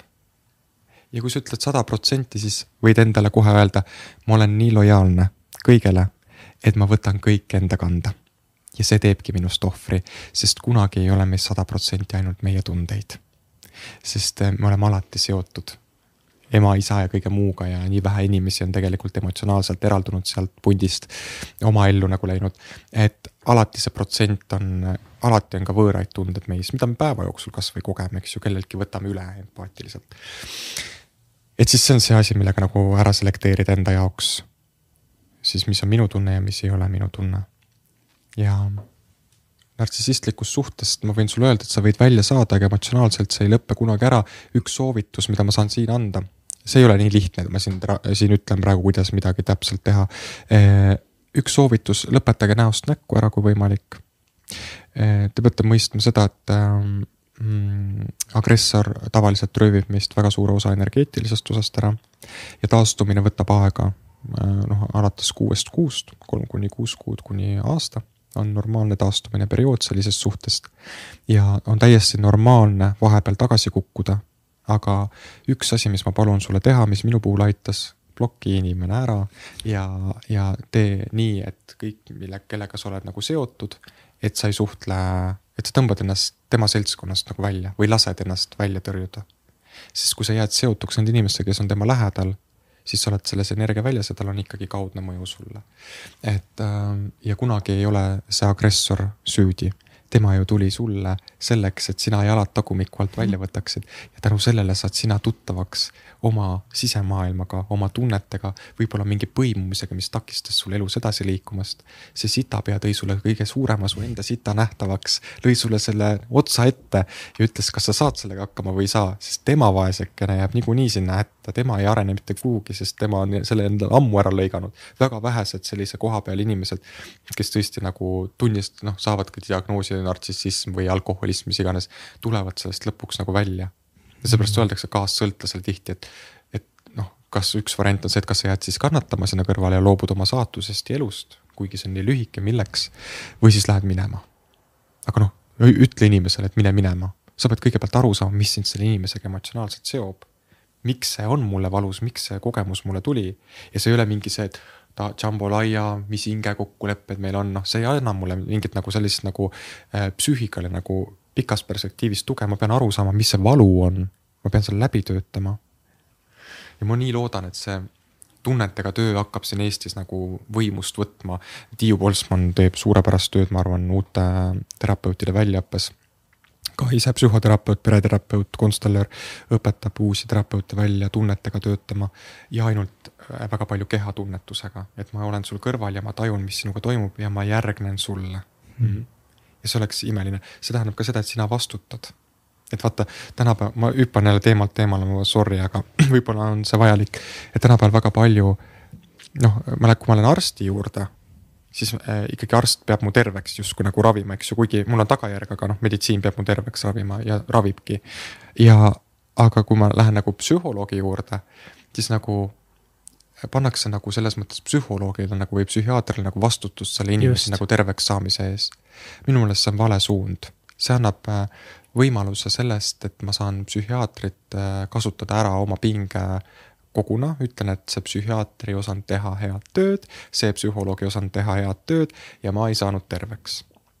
Et ma ei tea, kuidas see õpe seal täpselt välja näeb, aga kas neile antakse teatud patsientidele, mis neil on, ei tohi kohe vastutust anda, sest nende psüühika ei tule toime, et seal peabki vastutuse võib-olla alguses kolmnurgastama ennast toeks ja nii edasi. aga väga paljudel inimestel ikkagi peaks väga otseselt vastutuse andma ja, ja tegutsemise ja panema paika siis need, et kuhu me jõuame selle protsessidega, mitte jambolaiatama lihtsalt rääkima, mitte lihtsalt ravimeid sööma, vaid mis on ka need tegevused, mis ise saad teha enda jaoks. Jah, sellest on nagu puudu mm -hmm. tunnetega tööst, et ähm,. mu enda jaoks ka see vastutus on nagu väga suur asi või noh, ma alles nagu liigun sinna, aga et nagu hakata aru saama, et ma saan vastutust võtta täiesti et see on nagu jumala nagu reaalne asi tegelikult mm. -hmm. just, just ja saad ja, ja näha ka seda enda manipulatsiooni nagu läbi enda mõistuses, kuidas ma mõistusega manipuleerin mm,. iseennast ja. vaata uh., kui palju sa oled endale kinnitanud, et ma olen nii ratsionaalne või ma olen rohkem see ratsionaalsususku. aga tee nihuke trikk, ütle, et äh, ma ei pea ennast enam kaitsma uue ja tundmatu eest mm. -hmm. Uh, I love it. ja ma võin võtta vastu kõik, mis siin ikka enam hullemaks minna saab mm. -hmm. ainult paremaks. ainult paremaks. ainult paremaks jah, et, et selles mõttes, et äh, ainult inimene, kes on hirmul, põgeneb ära mõistusesse. ja inimene, kes on kaotanud oma sisemise lapsega kontakti, põgeneb ära mõistusesse. ja nende inimeste puhul ma soovitangi number üks asi, tehke aktiivset meditatsiooni, kui teil ei ole head terapeuti saada, kui te ootate psühholoogi aega. ja psühholoogidele, kes ütlevad, et meditatsiooni ei tohi teha ma ei tea, mul ei ole teile midagi öelda et tohib ikka, väga paljud teadusuuringud äh, räägivad kasvõi mindfulness'i või mis iganes, räägivad selle kasulikkusest. et ei, ei maksaks alternatiivseid võimalusi ära võtta inimestelt. et äh, minna terapeutilisse hingamisse võtta seda nagu avatult vastu ja murda sellest piirist läbi, et kui sa sellest läbi saad, et ma pean ainult ratsionaalne olema, siis hakkab sinu jaoks avardumine pihta. Niikaua, kui sa hoiad ennast seal ja kui sa lähed psühholoogi juurde ja üritad seal mõistust kuidagi paika panna, aga tunded jätame täitsa kõrvale või et ma neid nagu panen silmaklapid nagu pähe. no siis sa söödki need ravimid ära, võib-olla ajukeemia noh, nii palju toetab, saad ajutise stabiilsuse, saad nelikümmend, tekib keskekriis, miks see tekib üldse? sest kogu see jama võtab nii palju ressurssi, et sul saab elujõud otsa ja siis me hakkame seda väljast seda vinget äh, ressurssi otsima, vinged autod, elu, vahetame naise ära, võtame noorema. kui ma kunagi nii teen, siis tuletage mulle ausaid meelde saadame selle podcast'i klipi sulle ma ei tea, kas sai midagi assist ka või? väga palju. ja rahvas ka räägib siin. mis rahvas räägib? mis rahvas räägib? mis rahvas räägib? räägime rahvaga, muidu me räägime Mihkliga kogu aeg, vabandust räägime rahva ja väga palju. sellepärast ma seda podcast'i ausalt öeldes teengi, noh mm -hmm., ma saan siin oma teraapiat kogu aeg lihtsalt oota, kus sa saaksid veel niimoodi Antsu, on ju? no ega ei saakski. no ega ei saakski täpselt. ja vaata, esimene tund oli ka mul see, et äh, vaata, me oleme, tuleme kõik nii erinevatest kohtadest. et tegelikult vajame me rohkem, mina vajan nagu rohkem aega, et äh, saada teid samale lainele endaga, sest te olete väga erineval lainel yeah., ma olen omal lainel.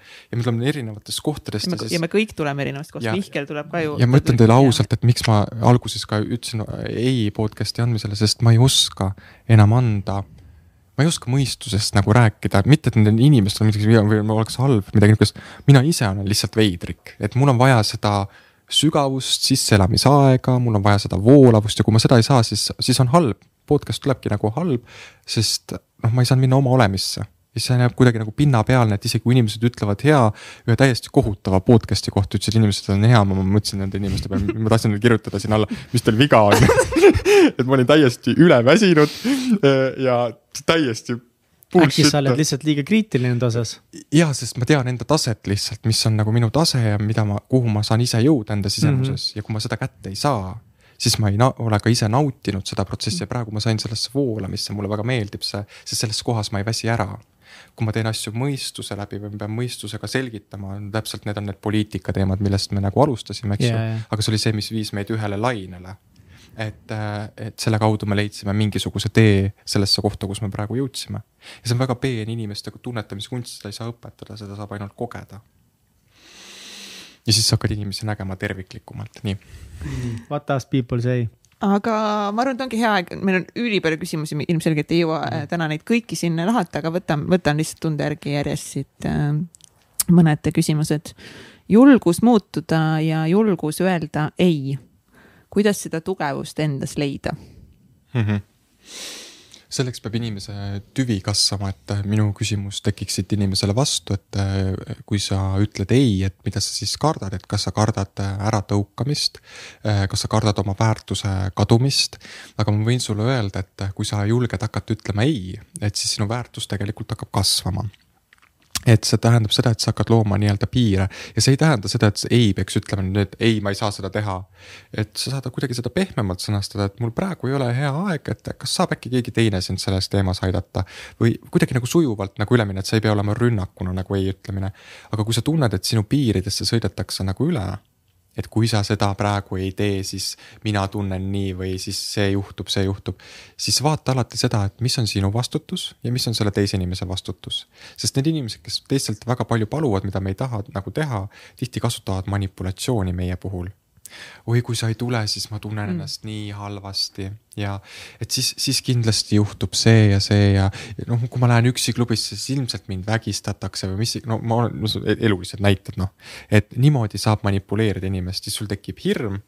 et siis äh, vaata seda kohta enda sees, mille peal äh, sa tegelikult äh, mängid enda sees, miks sa ei julge ei öelda, et mis on see nõrk külg millega sa siis peaksid võib-olla tegelema. ja ma ütlen veelkord, podcast'is ei ole võimalik su probleeme ära lahendada, ma sain lihtsalt laiendada seda äh, kontseptsiooni. mina näiteks äh, ütlen ausalt, et äh, ma ütlen väga paljudele ka sõpradele mingite kohtade peal nagu ei ja kõik teavad, et ei on ei et sellest nagu üle ei astuta. et kui mul on oma aeg, oma piir, siis äh, algul inimesed solvusid ja ma lasin neil solvuda. hiljem nad tulid tagasi, ütlesid, nad saavad aru et selle kaudu sa nagu, ma ei taha öelda sõna halb sõna, aga kasvatad nagu inimesi. et ja kui sulle ei sobi, kui talle ei sobi, et sa ei ütled, et siis järelikult see inimene ei ole sinu inimene praegu. et sa pead valima natuke teise tee. et leidma need inimesed, kes aktsepteerivad ei-d küsiksin, kui kaua on mõistlik läbida ühte jutumärkides õppetundi, minna läbi jutumärkides valu Mhm. ja äh, mul on, ma olen alati teinud nalja, et mul üks sõber helistab iga kolme kuu tagant, ütleb jälle, et ta protsessib. no ütlesin ja ütlesin, kas sa kunagi mulle helistad niimoodi ka, et sa ei protsessi ja, ja, ja siis äh, ja minu jaoks on hästi huvitav see, et äh, Saaremaal samuti näitasin, et üks inimene nagu küsis, et pärast seda tööd, et kas ma peaksin nüüd nende tunnetega kuidagi veel töötama või et tekkis hirm, et äkki ei ole korras. tegelikult on niimoodi, et ähm, kui on protsess, mingi asi tuleb ülesse sul on vaja aru saada, millest asi sai alguse. kuna me ena-, enamus õpetusi, mis liigub ka turu peal, ei selgita juurpõhjusi väga palju, vaid selgitab sellest, kuidas protsessida pidevalt mm, -hmm. siis äh, sa jääd sellesse protsessimise lõksu. olukordi on võimalik väga kiiresti enda sees lahendada, esimene asi, sa pead aru saama, kus sai protsess päriselt alguse mis sind seda käivitas, eks ju. alati on hea teada võimalikult palju ema-isa stuff'i, kasvõi selle raamatu näol või mis iganes perekonstellatsioonist, pereteraapia äh, õpikud, mis iganes. et sa tead, kust need tunded alguse saavad. nii, ja kus need mustrid võivad alguse saada. esimene asi ei ole mitte minna protsessima, vaid esimene asi on lõdvestumine. okei okay,, see teema praegu tuli, no ma ütlen enda poolt, mul kõht on praegu valus, okei okay,, ma vaatan seda ja siis ma tunnetan, mis see võib nagu olla, testin. ja kui ma selle kätte saan, selle probleemi põhjuse, siis üks oluline asi, mis lõpetab protsessimise, on see, kui ma nõustun sellega nii nagu on või nii nagu oli varem. ehk ma ütlen sellele nii suurepärase sõna, millele me oleme nii lihtsa tähenduse andnud, aga sõna jah. ma ütlen sellele jah, nii on või nii oli ma aktsepteerin seda kõike, mis toimub, ma aktsepteerin kõiki neid tundeid. aga ma annan sellele nüüd koha minevikus. sa võid seda teha paberilehega, padjaga, mis iganes, mängida endaga ja lõpetada see ähm, äh, nagu äh, moehullus ära, et ma ainult protsessin kogu aeg. et minu küsimus on see, et aga kuna te elama hakkate. ja siis, kui ikka protsessitud on see ju. ja jõepõhja ei ole võimalik puhtaks teha lõpuni, sa jääd haigeks, päriselt aitäh. ei, ei, mul praegu hakkas suu ujuma äh, kas saatus loksutab kõik paika elus nii, nagu minema peab? ja äh, üks, see inimene, kes niimoodi küsib, äh, tahab anda oma elu eest vastutust saatusele mm. -hmm. ehk siis see on nagu natukene nagu fata-, see esoteeriline, see fatalistlik maailm. et ma annan vastutuse või usun kõrgemaid jõude, et nemad minu eest nagu asjad siis korda teeks, eks ju ehm, hea on see, kui sa usaldad elu ja et asjad loksuvad paika. aga asjad loksuvad paika siis, kui me teeme mingisuguseid tegevusi selleks, et nad paika loksuksid. ja on ka teatud olukordi selliseid, kus ei tulegi mitte midagi teha, vaid tulebki teha stopp, et ma ei tee mitte midagi. sest see lahendab olukorra. on selliseid olukordi, ma ei suuda praegu välja mõelda, mul endal on lihtsalt olnud. et ähm, jah, samas jah, üks olukord oli, kus oligi see äh, tervise teema, siis mina enda sisemuses nagu andsin alla, ma ütlesin, ma ei tee midagi. mul ei ole ressursse, mul ei ole elujõudu. Äh, ma tegin otsuse, ma olen valmis ära surema. ja sellel hetkel evolutsiooniline jõud minus ärkas ellu, ütles, sa ei sure kuskile raisk veel ja siis hakkasid ise lahendused nagu tekkima. et see voolamises nagu olek, millest ma ka ennem rääkisin siin, see tähendab seda, et sa oled lõdvestuses mm,. ja sa õpid selle ära oma viisi pidi kuskil kellegi käe all ja lihtsalt kulged. väga huvitav küsimus. ehk siis ära anna vastutust saatusele, vaid võta vastutus endale ja kujunda selle abil oma saatus. oli laus? see oli hea mm.. nii, sihuke küsimus eh, Antsule, et kas kättemaks on halb? kust jookseb piir kättemaksu ja õiglase karistuse vahel uh,? kui me vaatame eh, süsteemiteooriat, kui keegi on teinud meile haiget siis tegelikult ju peaks seda saama tasakaalustada niimoodi, et ma teen äh, talle haiget vastu, aga natukene vähem. et siis ei teki sellele karmalist tagajärge karmaga on kõik on tasakaalus. päriselt, päriselt, kui ma teen talle natukene vähem haiget okay., siis, äh, siis on nagu hea, aga, aga inimesed, kes tegelevad kättemaksuga, tead, ma olen skorpion. ega mm -hmm. mul on ka vahepeal see tunne, et aga teate, ma maksan nii huvitavalt kätte, et mul on nagu see energeetiline jõud, et ma olen öelnud inimestele tõesti, et ma ei pea kätte maksma.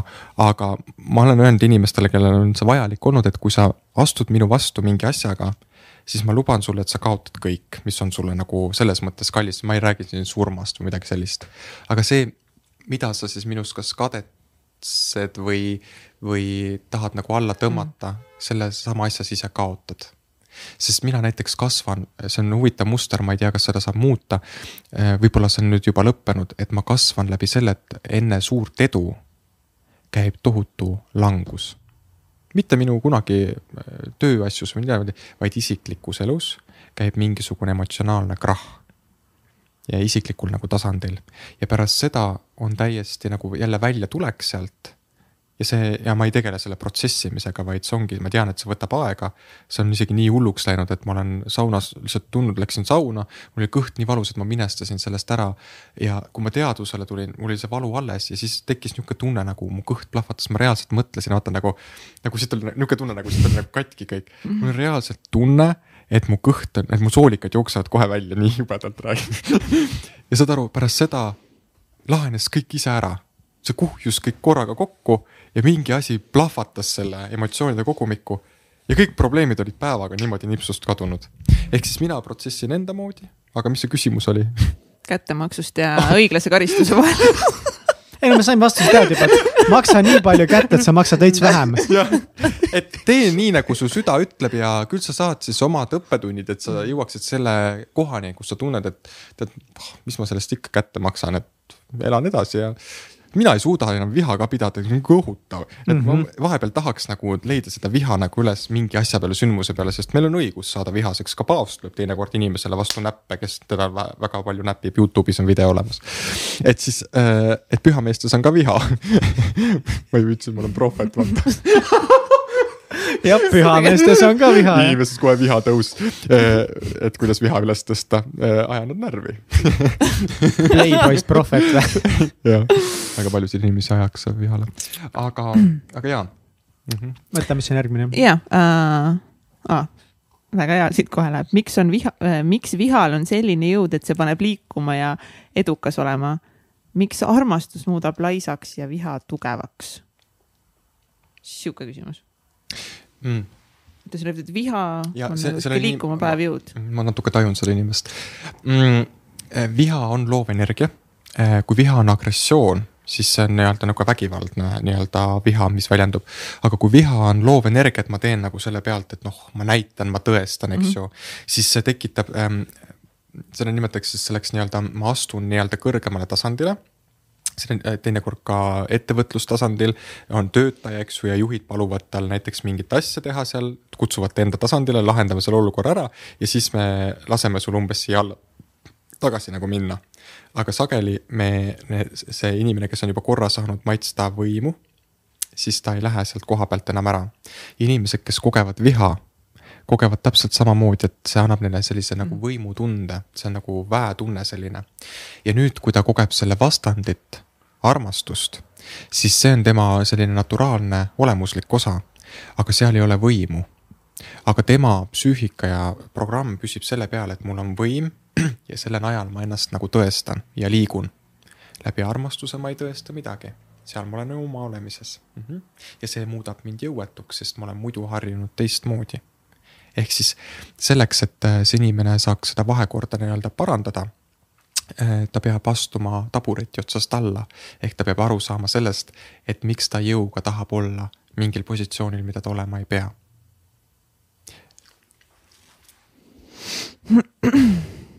kas Ants kuulab oma teejuhti? Äh, minu teejuht on minu sisemuses. Äh, kui te mõtlete, et kas ma suhtlen selliste nagu energeetiliste teejuhtide ja kõige muuga sinna, siis minu sees on minu endas kõik nagu olemas. et ma ei käi eraldi enam, ma kunagi tegin seda väga palju. et aga ma leppisin endaga kokku, et kuule chill, et vaadake, et mul oleks nagu chill ja ma töötan äh, energeetilises mõttes töötan ma ülestõusnud meistritega. Äh, kelle ma tõin ka Eestisse mingi aeg tagasi Portugali nagu õppe ja, ja minul on nendega nagu hea klapp ja, ja nad töötavad minuga ja ma olen, nemad on minu käepikendus minu töös.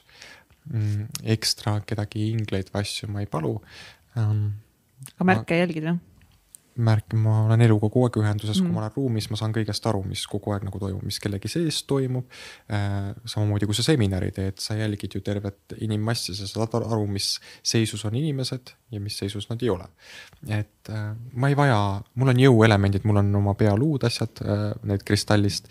Et aga ma ei vaja mingeid selliseid teejuhte, sest ma ise loon oma teed. Et ja ma ei pea küsima kelleltki vastuseid, sest äh, ma ei tea kunagi, kes see teejuht lõpuni on, ma pean hakkama siis, äh, et ta tõestaks mulle ennast ja blablabla bla, bla, bla. mul on enda alateadvus, see on jumala tark, minust targem, minu mõistusest, kogu aeg teeb niisuguseid otsuseid, mis mu mõistus ütleb, et kui sa oled idioot, pärast kolm kuud hiljem vaatan, kuradi tark. Et äh, milleks mul siis veel seda, ma ei taha tee, äkki on teejuht olemas, et ma ei viitsi tegeleda sellega, kunagi tegelesin, tead see oli niisugust džambolaia. et mul pigem nagu, mul kõik voolab ju, et kui inimene on tegelikult, ma ütlen teile, paljastan ühe tõe. kui inimene on õnnelik, rahulolev, saab head seksi, on head suhtes, siis ta ei tegele mingi džambolaiaga nii palju ja, ja jumala tõsi kusjuures jah. siis ta ei hakka neid kaarte kuskilt sealt panema, et oh, on küll niisugune, siis tal on aega elamiseks noh, et aga mõni tahab seda müsteeriumi lõpuni ära äh, tõestada mm. -hmm see, Albert Einstein ütles oma surivoodil tsitaadi või midagi sellist, ma ei mäleta, kuidas see täpselt oli. ma lootsin, et ma tõestan kõik ära. aga ma suren teadmisega, et ma ei teadnud mitte midagi ja kui Albert Einstein juba sai aru, et ta on loll, noh elu lõpus, siis mul pole ammugi mõtet pingutada. lihtsalt elada ja kogeda neid asju, mis mulle meeldivad, mis te arvate, et ma sain terapeudiks sellepärast, et, et ma nüüd äh, tahtsin hirmsalt terapeudiks saada või nagu kogu aeg kleebitakse, et ta tahab äri teha. ma oleks saja muu äriga saanud palju juba rikkamaks, kui ma täna olen. Et, et küsimus oli lihtsalt selles, et mul oli perekonnas nii palju inimesi päästmata, et ma läksin läbi oma klientide ju neid, noh, oma valu ja kõike seda lahendama, seda peab iga terapeut ja psühholoog ka mõistma. et keda ma oma klientide kaudu päästan mm., sest siis saab teha eralduse ja, ja kui Väga nüüd ja kui ma panen nüüd näiteks terapeudina, ma olen ebateadlik, ma ei tea seda, et ma sellepärast sattusin terapeudi rolli või arstiks, arstiks on ükskõik, sest nad tegelevad füüsi-, füüsilise kehaga, aga hingega tegelevad. siis ma võin ju sulle projitseerida kellegi oma perekonnast, kes on sarnane, sest meile satuvad miskipärast neli sellised kliendid, kes on meie suguvõsaga seotud ja sarnaste probleemidega uskuge mind, kui te hakkate jälgima kliente ja näiteks ma õppisin, õpin praegu äride juhtimist ja, ja sellist süsteemset äri coaching ut, siis siis äh, nüüd hakkasid suured firmad mulle kirjutama, et tule koolita, ma tõstsin lambi koha pealt. noh, muidu ma olen ka teinud mingeid asju, aga nii suured ettevõtted ei ole kunagi kirjutanud mm.. aga ma annan, aga pange tähele, ma annan impulsi või mul tekib impulss, et ma tahan seda õppida. ma lähen seda õppima, ma teen sinna tegevuse, ma õpin seda ja selle energia voolab äh,, hakkab minu alateadlik meel hakkab otsima võimalusi, kuidas ma saan seda realiseerida. selleks ma olen eelnevalt loonud platvormi, et sellisel tasemel töötada millise platvormi sina peaksid looma või kuhu suunduma, et selliseid asju endale luua, et kõik voolaks. ma ei pea eraldi turundama, et ma hakkan nüüd äriasju tegema, juba töötab, ilma et ma midagi oleks öelnud. Mm.. et ja see ongi see, millest see fenomen, millest inimesed aru ei saa.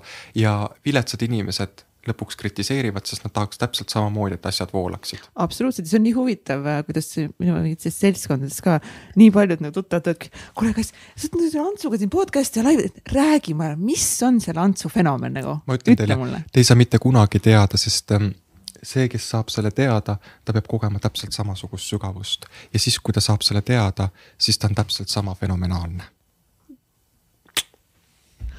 ja see uh. ei olnud praegu ülbusega öeldud, vaid see ongi täpselt see, et see on see seisund mm., mida, mida inimesed kirjutavad, nad saavad selle rahutunde mm. -hmm.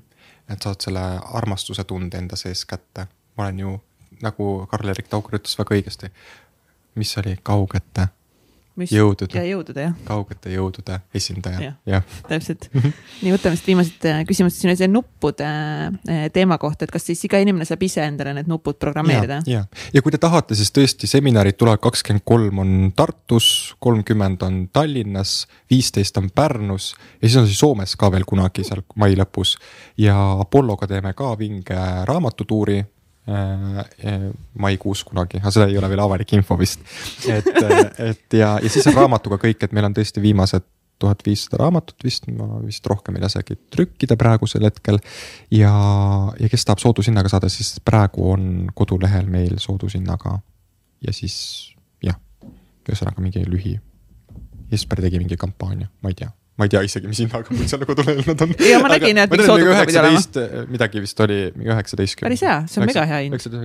ennem oli kolmkümmend. jaa, mhm. super, nii, aga siit see on veel siis ohvrimeelsusest, et äh, inimesed kirjutavad, et ohvrimeelsus väga huvitab, et aga kuidas siis ikkagist nagu peatada või kuidas sellest ohvri, ohvri, ohvrirollist siis välja tulla? see on terve päeva teema. jah, tundub, et tuleb mingi mhm. seminar korraldada. oota, ma korra mõtlen mm..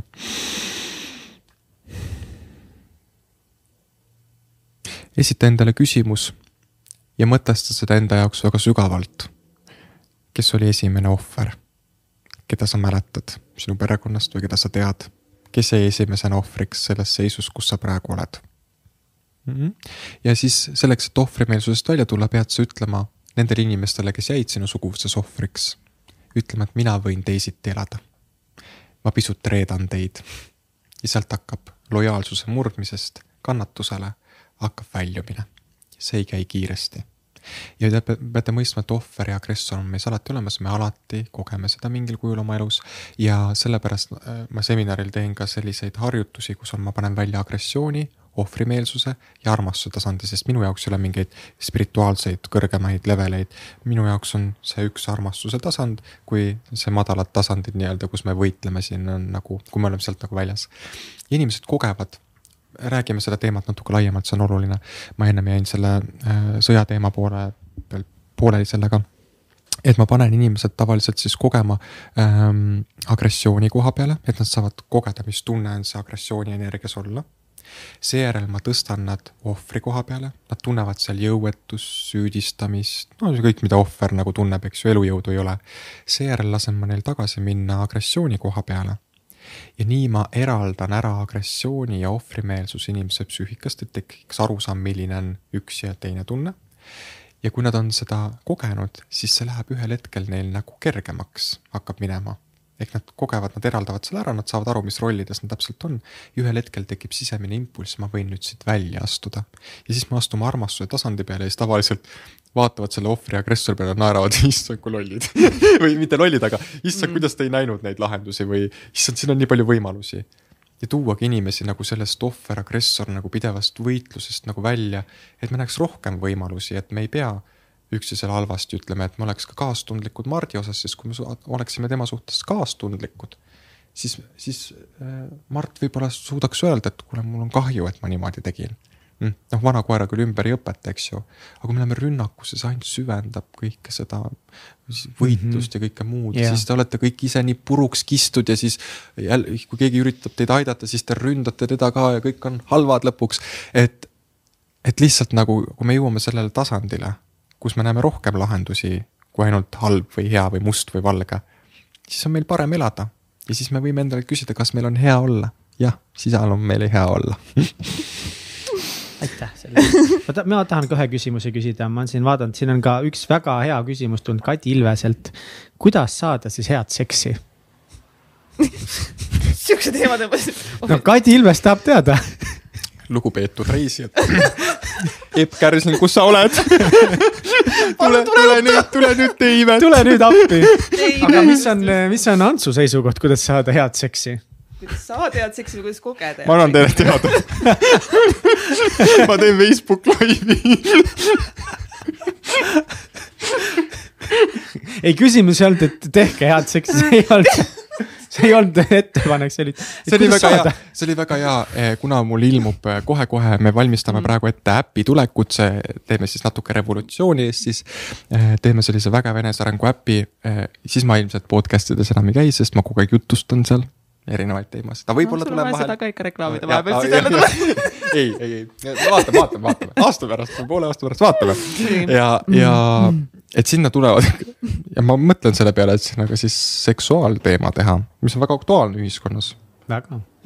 väga ja nagu sa ütlesid ise ka, et nagu hea seks ja mm -hmm. noh, siis sa ei mõtlegi nii palju muudele asjadele ja mm -hmm. on eh, nagu hea elu. ma tean küll Kadi Ilvest sind ah, tead või? ei, ta ei ole minu armuke okay,. Okay. ma juba lootsin, et äkki siit tuleb midagi äkki hea teema siin niimoodi üleval. oota, aga mis, mis värk siis selle äpiga on, ma saan aru, et sa olid Sri Lankal, sa puhkasid, töötasid. seal oli ilge kriis, eks ju, esiteks. Sri Lankal. ja mm, -hmm. ja seal majanduskriis ja elektri power cut'id ja ma ostsin kaasa siit äh, vinge mikrofoni, et siis filmida koha peal see äpp, äh, noh, põhivalmis nagu ja, ja siis me hakkasime filmima ja sellel mikrofonil oli krõgin sees no,. ja siis no. tead, mis ma sain aru või?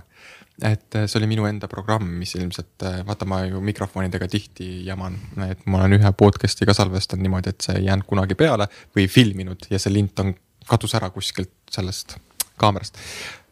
ma läksin ju puhkama taotlusega ja noh, see äpi filmimine oli nagu filmime äppi ka. aga ma olin ju niisuguse tempo nagu läbi teinud ja mu keha ja energia otsustas, et ta puhkab. ja mulle ei antud võimalust seda seal filmida. ja noh, oleks võinud ju minna kohe ohvri tasandile, oi kui halvasti ja no oleks pidanud ikka teise mikrofoni võtma ja, aga ma ütlesin, okei okay,, ma siis puhkan, tulen Eestisse, teen stuudios ära, mis see on siis noh, et, et et jah, aga me saime väga ilusat üldkaadrit drooniga ja droon uppus ka ära drooni ära. ja droon uppus ka ära. E, seal kuidagi lendas ta kuskile vastu ja siis ta lendas ookeanisse, keerles kümme minutit nendes lainete keerises. ja ma ütlen, need lained, need on nagu sellised vägivaldsed inimesed, ma oleks seal isegi ära uppunud, ma võin teile öelda mina läksin ookeanisse, ütlesin noh, ookean, mängime nagu nalja tegin yeah.. ega see ookean nalja mõista. ta oli, davai, tule siia, Ants. Läksin, läksime sõpradega kaugemale, ühel hetkel oh tunnen, et ei jõua nagu tagasi väga hästi minna, aga nägin, et jalad on põhjast, ma jõuan.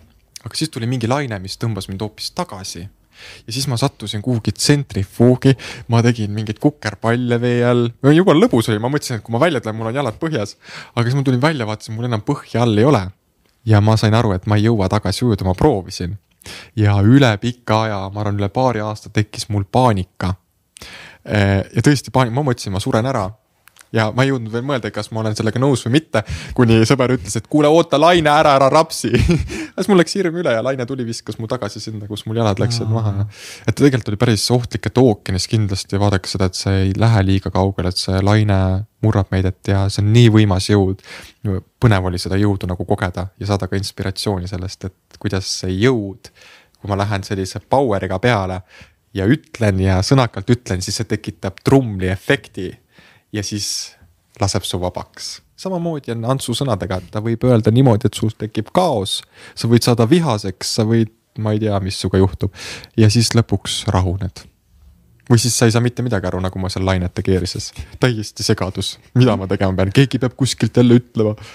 ole rahulik, kuula aga millal siis äpp välja, välja tuleb?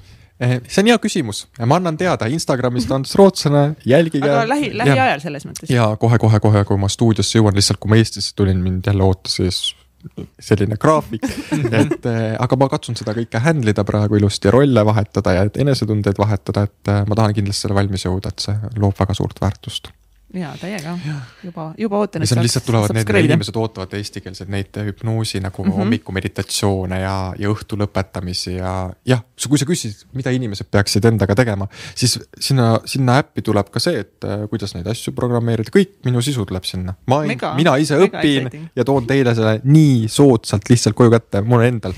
oleks Eestis kunagi varem olnud see, ma oleks saanud jälle midagi muud teha. hullult huvitab, mis sa nimeks paned sellele, kuna ma ise olen ka siin mingi ettevõtete nimed. aa ei lihtsalt oma nime. ma olen Ants Rootslane, AR Terapi.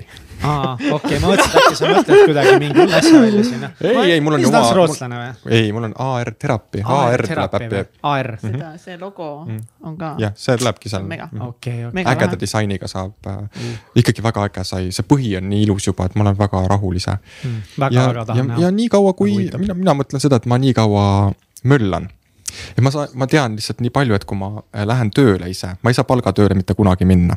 nii, see esiteks ühel põhjusel äh, kuna ma tunnen ärisüsteeme tänaseks päevaks ja ma tean, milline naga ma olen, et ma tahan kohe juhtide tasandile minna. siis mulle antakse väga palju võimu, ma oskan seda võtta ja ma rikun kõike oma nii-öelda väljavaated pikas perspektiivis ära ja mulle ei paku see mitte midagi. et seepärast ma pean olema ise ettevõtja ja, ja tegutsema. jah, ja ma mõtlen, et ma loon siis vähemalt et kui ma, ma tean, et mul on kunagi sõnum tulnud, et kui ma inimestega ei tööta, siis ma noh, suren ära. Eh, ma ei tea, kui tõsiselt sellest suhtuda, ma olen kaks korda proovinud mm, -hmm. on viinud väga huvitavasse seisu. et siis eh, see on nagu mingis mõttes nagu teenimine, mis on nagu ka võib-olla kõrgemalt poolt ette seatud. ja nii kaua ma seda teen, kuni, kuni minu jaoks see on põnev ja, ja mind ennast nagu kütkestab. ja kohe, kui ma tunnen, et enam ei kütkesta siis ma ei kõhtle, kahtle, kõhtle ja siis ma leian mingi muu väljundi. Absoluutselt mm.. võib-olla näeb mind kunagi ka maalimas. Karl-Erik Taukar on ainukene inimene, kes arvab Eestis, et ma oskan laulda vahepeal keegi juba usub, on ju, et Alge on olemas. ja Just. nii see, kui siin Ants enda äppi hakkab looma, siis me siin ju tegelikult samamoodi oleme täitsa pikis akadeemiaga just naistele loomas ka enesearengu platvormi, mis meil siin mai keskel launch ib, nii et vaatame äkki mm -hmm. kunagi saame võib-olla paar Antsu asja ka sinna enda, enda platvormile, aga et ongi nagu nii nii kihvt, et need mm -hmm. nagu infot tuleb ja, ja, ja inimesed saavadki nagu minna kogeda neid energiat, mida nemad soovivad. raha osas ka, et ärge olge selles äh, värgis kinni, et raha on halb või et raha ei tohi küsida või. või nagu Pealtnägija üritas seal nagu, küsitakse nagu raha. kuule, loomulikult ma küsin raha. kuule, kui ma pean hobusega, no hobune tahaks ka, eks ju, ma peaks jala käima Tallinnast Tartusse eh, peaks elama kuuse all ma võtaksin inimestelt ära nende naudingu või selle rahu, mida ma saaksin neile nii-öelda pakkuda. mu inimesed ei annaks mulle seda andeks. Et, et selles mõttes, et mõned on suhtunud sellesse lausesse, et ma olen kunagi öelnud, et selleks, et mina saaksin anda inimestele, peab mul endal olema. Ja, no, ja, ja mul oli huvitav see, et mulle pakuti kunagi, et ma ei pea raha pärast nagu muretsema, et noh, pakuti ühte summat, et ma võin teha, mis ma nagu tahan, lihtsalt nagu selle, kuna noh, väga rikkad inimesed, ütleme nii. ja ma sain aru sellest, et äh, siis mul ei oleks enam motivatsiooni või tahet töötada või areneda või kasvada, et ma ei taha olla lillepott kuskil aknalaua peal, kes istub oma miljonitega. mul ei pakuks see mitte midagi ja mul tõenäoliselt tekiks inspiratsioon ja ma hakkaks noh, inimlike instinktide järgi minema, mis oleks väga naturaalne. hakata seda kulutama ja möllama ja võib-olla investeeriks kuskile, ostaks kinnisvara, mul on vaja tööd enam teha. aga see, kui sa ei ole saanud seda summat niisama lihtsalt, vaid sa teed seda sellega, et kuidas sa oma tööd teed ja see väljendab seda et inimesed on valmis selle eest tasuma ja see väljendab seda väärtust, mida sa neile pakud. minu jaoks on see palju olulisem ja ma hindan selle järgi ka enda nii-öelda sisemist nagu kasvu, et sisemine kasv võrdub ka rahaliste sissetulekute suurenemisega mm. -hmm selline lause tuli praegu, ma ei tea, kas see on mm -hmm. õige, aga mõelge selle peale, kas see kõnetas teid. absoluutselt mm. -hmm. mina tunnen täpselt sama, ma olen täiesti nõus sellega, see on õige ja see on aus ja niimoodi maailm töötab. sa hakkad pärast seda juttu mingi võõraid raamatuid reklaamima või ma sain aru, et Ants on saanud kohe otsa need raamatud, onju. et selles mõttes ma oletan. Need ei ole meile võõrad äh,. oletan, et siin enamustel on siiski Antsu raamat nagu soetatud ka, onju, et nagu see oleks natuke, natuke veider. raamatuid nii palju, et ma ei suutnud uskuda aga tead, inimesed ikka said ju äh, seltskondades rääkida äh,. noh, julmalt ikkagi, et Ants ja Jesper mõtlesid numbrid välja. kuule, ükski idioot ei jäta äh, jõulude ajal raamatut poodi saatmata, kui tal see raamat tuleks, lihtsalt paberit ei olnud, noh, head paberit ei olnud minu jaoks oli ka täiesti uskumatu, ma ei, mõtlesin, ma kirjutasin ju tegelikult mm -hmm. selle põhimõttega, et, et ma kirjutan oma nagu, ma teadsin umbes enam-vähem, et äkki neljale-viiele tuhandele, et nii hästi ikka läheb. Et aga ma ei osanud oodata, et mul tunni ajaga müüb nii palju. Et see oli tõesti nagu uskumatu, et mida te tegite? Ma kirjutan ju uue nüüd. Aa, siin oli kusjuures ennem küsimus ka selle kohta, et kas see tuleb täiesti uus raamat või see on järg sellele? täiesti ilmselt uus raamat. mul on uus sisu täitsa. Mm Antsul on veel lisaks äpile veel ma ütlen, raamat ma ütlen kõikidele äri ähm, sellistele, kes pakuvad teenust äridele, kuidas neid kasvatada ja nii edasi. ma ütlen, tead leidke omale praegu kliendibaas ära, sest ma sisenen varsti turule täiesti uue asjaga, mis võtab äh,, korraldab revolutsiooni Eesti ettevõtlusmaastikul ja ettevõtete arengus. sest äh, ühelt poolt lihtne, aga teiselt poolt nii tõhus, mis võtab väga palju sellist mõistuse jura nagu ära. Varsti saate teada, võib-olla juba uuest raamatust mis on nii töötajatele kasulik kui juhtidele kasulik. ja, ja kuidas siis neid ähm, ettevõtte süsteeme niimoodi toimimas hoida et mu ettevõte areneks, mitte ei kahaneks või ei jääks paigalseisu. ja me ei räägi siin lihtsalt mingist motivatsiooni ko äh, tegemisest või eesmärkide panemisest, mis iganes, ei, ei. Äh, me räägime ikkagi siin väga konkreetsetest asjadest ja see on väga põnev, ma praegu ise kogen seda ja kui ma olen valmis, siis ma hakkan seda edasi andma põhimõtteliselt praegu hoiatasid kogu Eesti maastikku siin. põhimõtteliselt küll, sellepärast. väga hea, vahepeal peab. tead, tead, miks ma seda tegin või? sest minule endale meeldib väikene selline, ma ei pea, mul ei ole nagu konkurentse, konkurenti väga, ma ei tunne vähemalt niimoodi. aga mulle meeldib, kui keegi teeb veel midagi ja siis mul tekib see, et see ei lase mul nagu laisaks muutuda. see on sihuke rivaalitsemine väike sihuke nagu. mina, mina võtan nagu positiivsena mm, nagu ja, seda, et, äh, et siis mul ongi nagu meeldib see, et oh, tema teeb ka ja siis ma teen ka mm -hmm. ja siis selle tunde pealt me nagu saavutame rohkem koos ja äh, konkurents alati ja, rikastab ja, turgu ja, ja, ja tõstab kvaliteeti. just, et tõstame siis selle Eesti ettevõtlusmaastiku kvaliteedi kõrgele, sest see on Eestile kasulik, sest me langeme sügisel tõenäoliselt äh, majanduslikult keerulisse kohta. inimesed, olge valmis, et see ei tuleks jälle teile üllatusena. sügisel on need arved, mis te saama hakkate ja see majanduslik värk see algas juba eelmise aasta sügisest. Äh, siis noh, süveneb, et te peate finantsiliselt praegu võib-olla ka, oleks hea, kui mingid reservid oleks nagu olemas, ma ei räägi siin sõja puhkemisest, absoluutselt mm -hmm. mitte, ei, ei, mina ei ennusta mingit sõda ette. aga lihtsalt äh, loogilist teed pidi, et ärge üllatuge asjadest, et olge strateegiline et yeah. teadke ette, et äh, võib tulla ja kui ei tule, siis teil on see raha olemas, et saate osta Antsu uue raamatu või tegin nalja, minna, minna reisile. kuna te olete nii palju raha sel hetkel kõrvale pannud, teie SOS fond, mustade päevade fond, aga noh, kui läheb perse, ostke lihtsalt nii palju raamatuid, kui saab selle eest. piisab ainult Antsu saad nagu. ei, see oli, aga see on hea point, SOS fondid korda. absoluutselt ja nagu. kuule, nii loosime raamatud välja. ja, oot, mul tuli korra seda Antsu raamatuga meelde, et meil on on äh, siin ju täitsa äh, pekkis, millised naised äh, grupis ju ka raamatuklubi ja selle kuu raamat on meil siis Antsu raamat siis seesama ilmselt Seitsme põlve müsteerium. nii et kes on seda raamatut lugenud ja kes tahab siis, see on praegu ainult naistele, kes tahab siis oma mõtteid jagada arutada raamatu üle, siis minge Facebookis, otsige üles selline grupp nagu Täitsa Pekkis, millised naised ja kuupäevaga võin eksida, aga vist nagu kuu lõpus oli siis meil on meil raamatuklubi kohtumine. Äh, ja siis äh, lahkame siin Antsu, Antsu raamatut. vaatame, võib-olla meelitan Antsu ka äkki korraks kohale. ma ei tea et igatahes, kes tahab mõtteid. vaata, siin on jälle see, et annad sõrme ja võetakse käsi. ei no kaks mm. kätt vähemalt, nii, okei okay.. Uh, see selleks uh,, siis uh, nüüd loosime need siis kolm mitte Antsu raamatut välja. ja enne kui sa loosid, ma tahaksin tänada, kuna siin me räägime kogu Eestiga, et yeah. meil oli Kuressaares siis see värk seal seminar, aga me käisime õhtul seal Naba baaris, ma ei tea, ja keegi maksis mu meeletult suure arve seal ära, nii et aitäh sulle sellele inimesele, kes maksis mu Naba baari arve ära. sest ma ise jätsin maksmata kogemata, ma unustasin ära, ma läksin hommikul nagu tagasi maksma ja siis öeldi ei, teie eest maksti ära mm.. äkki, äkki Birgitte maksis? ei maksnud.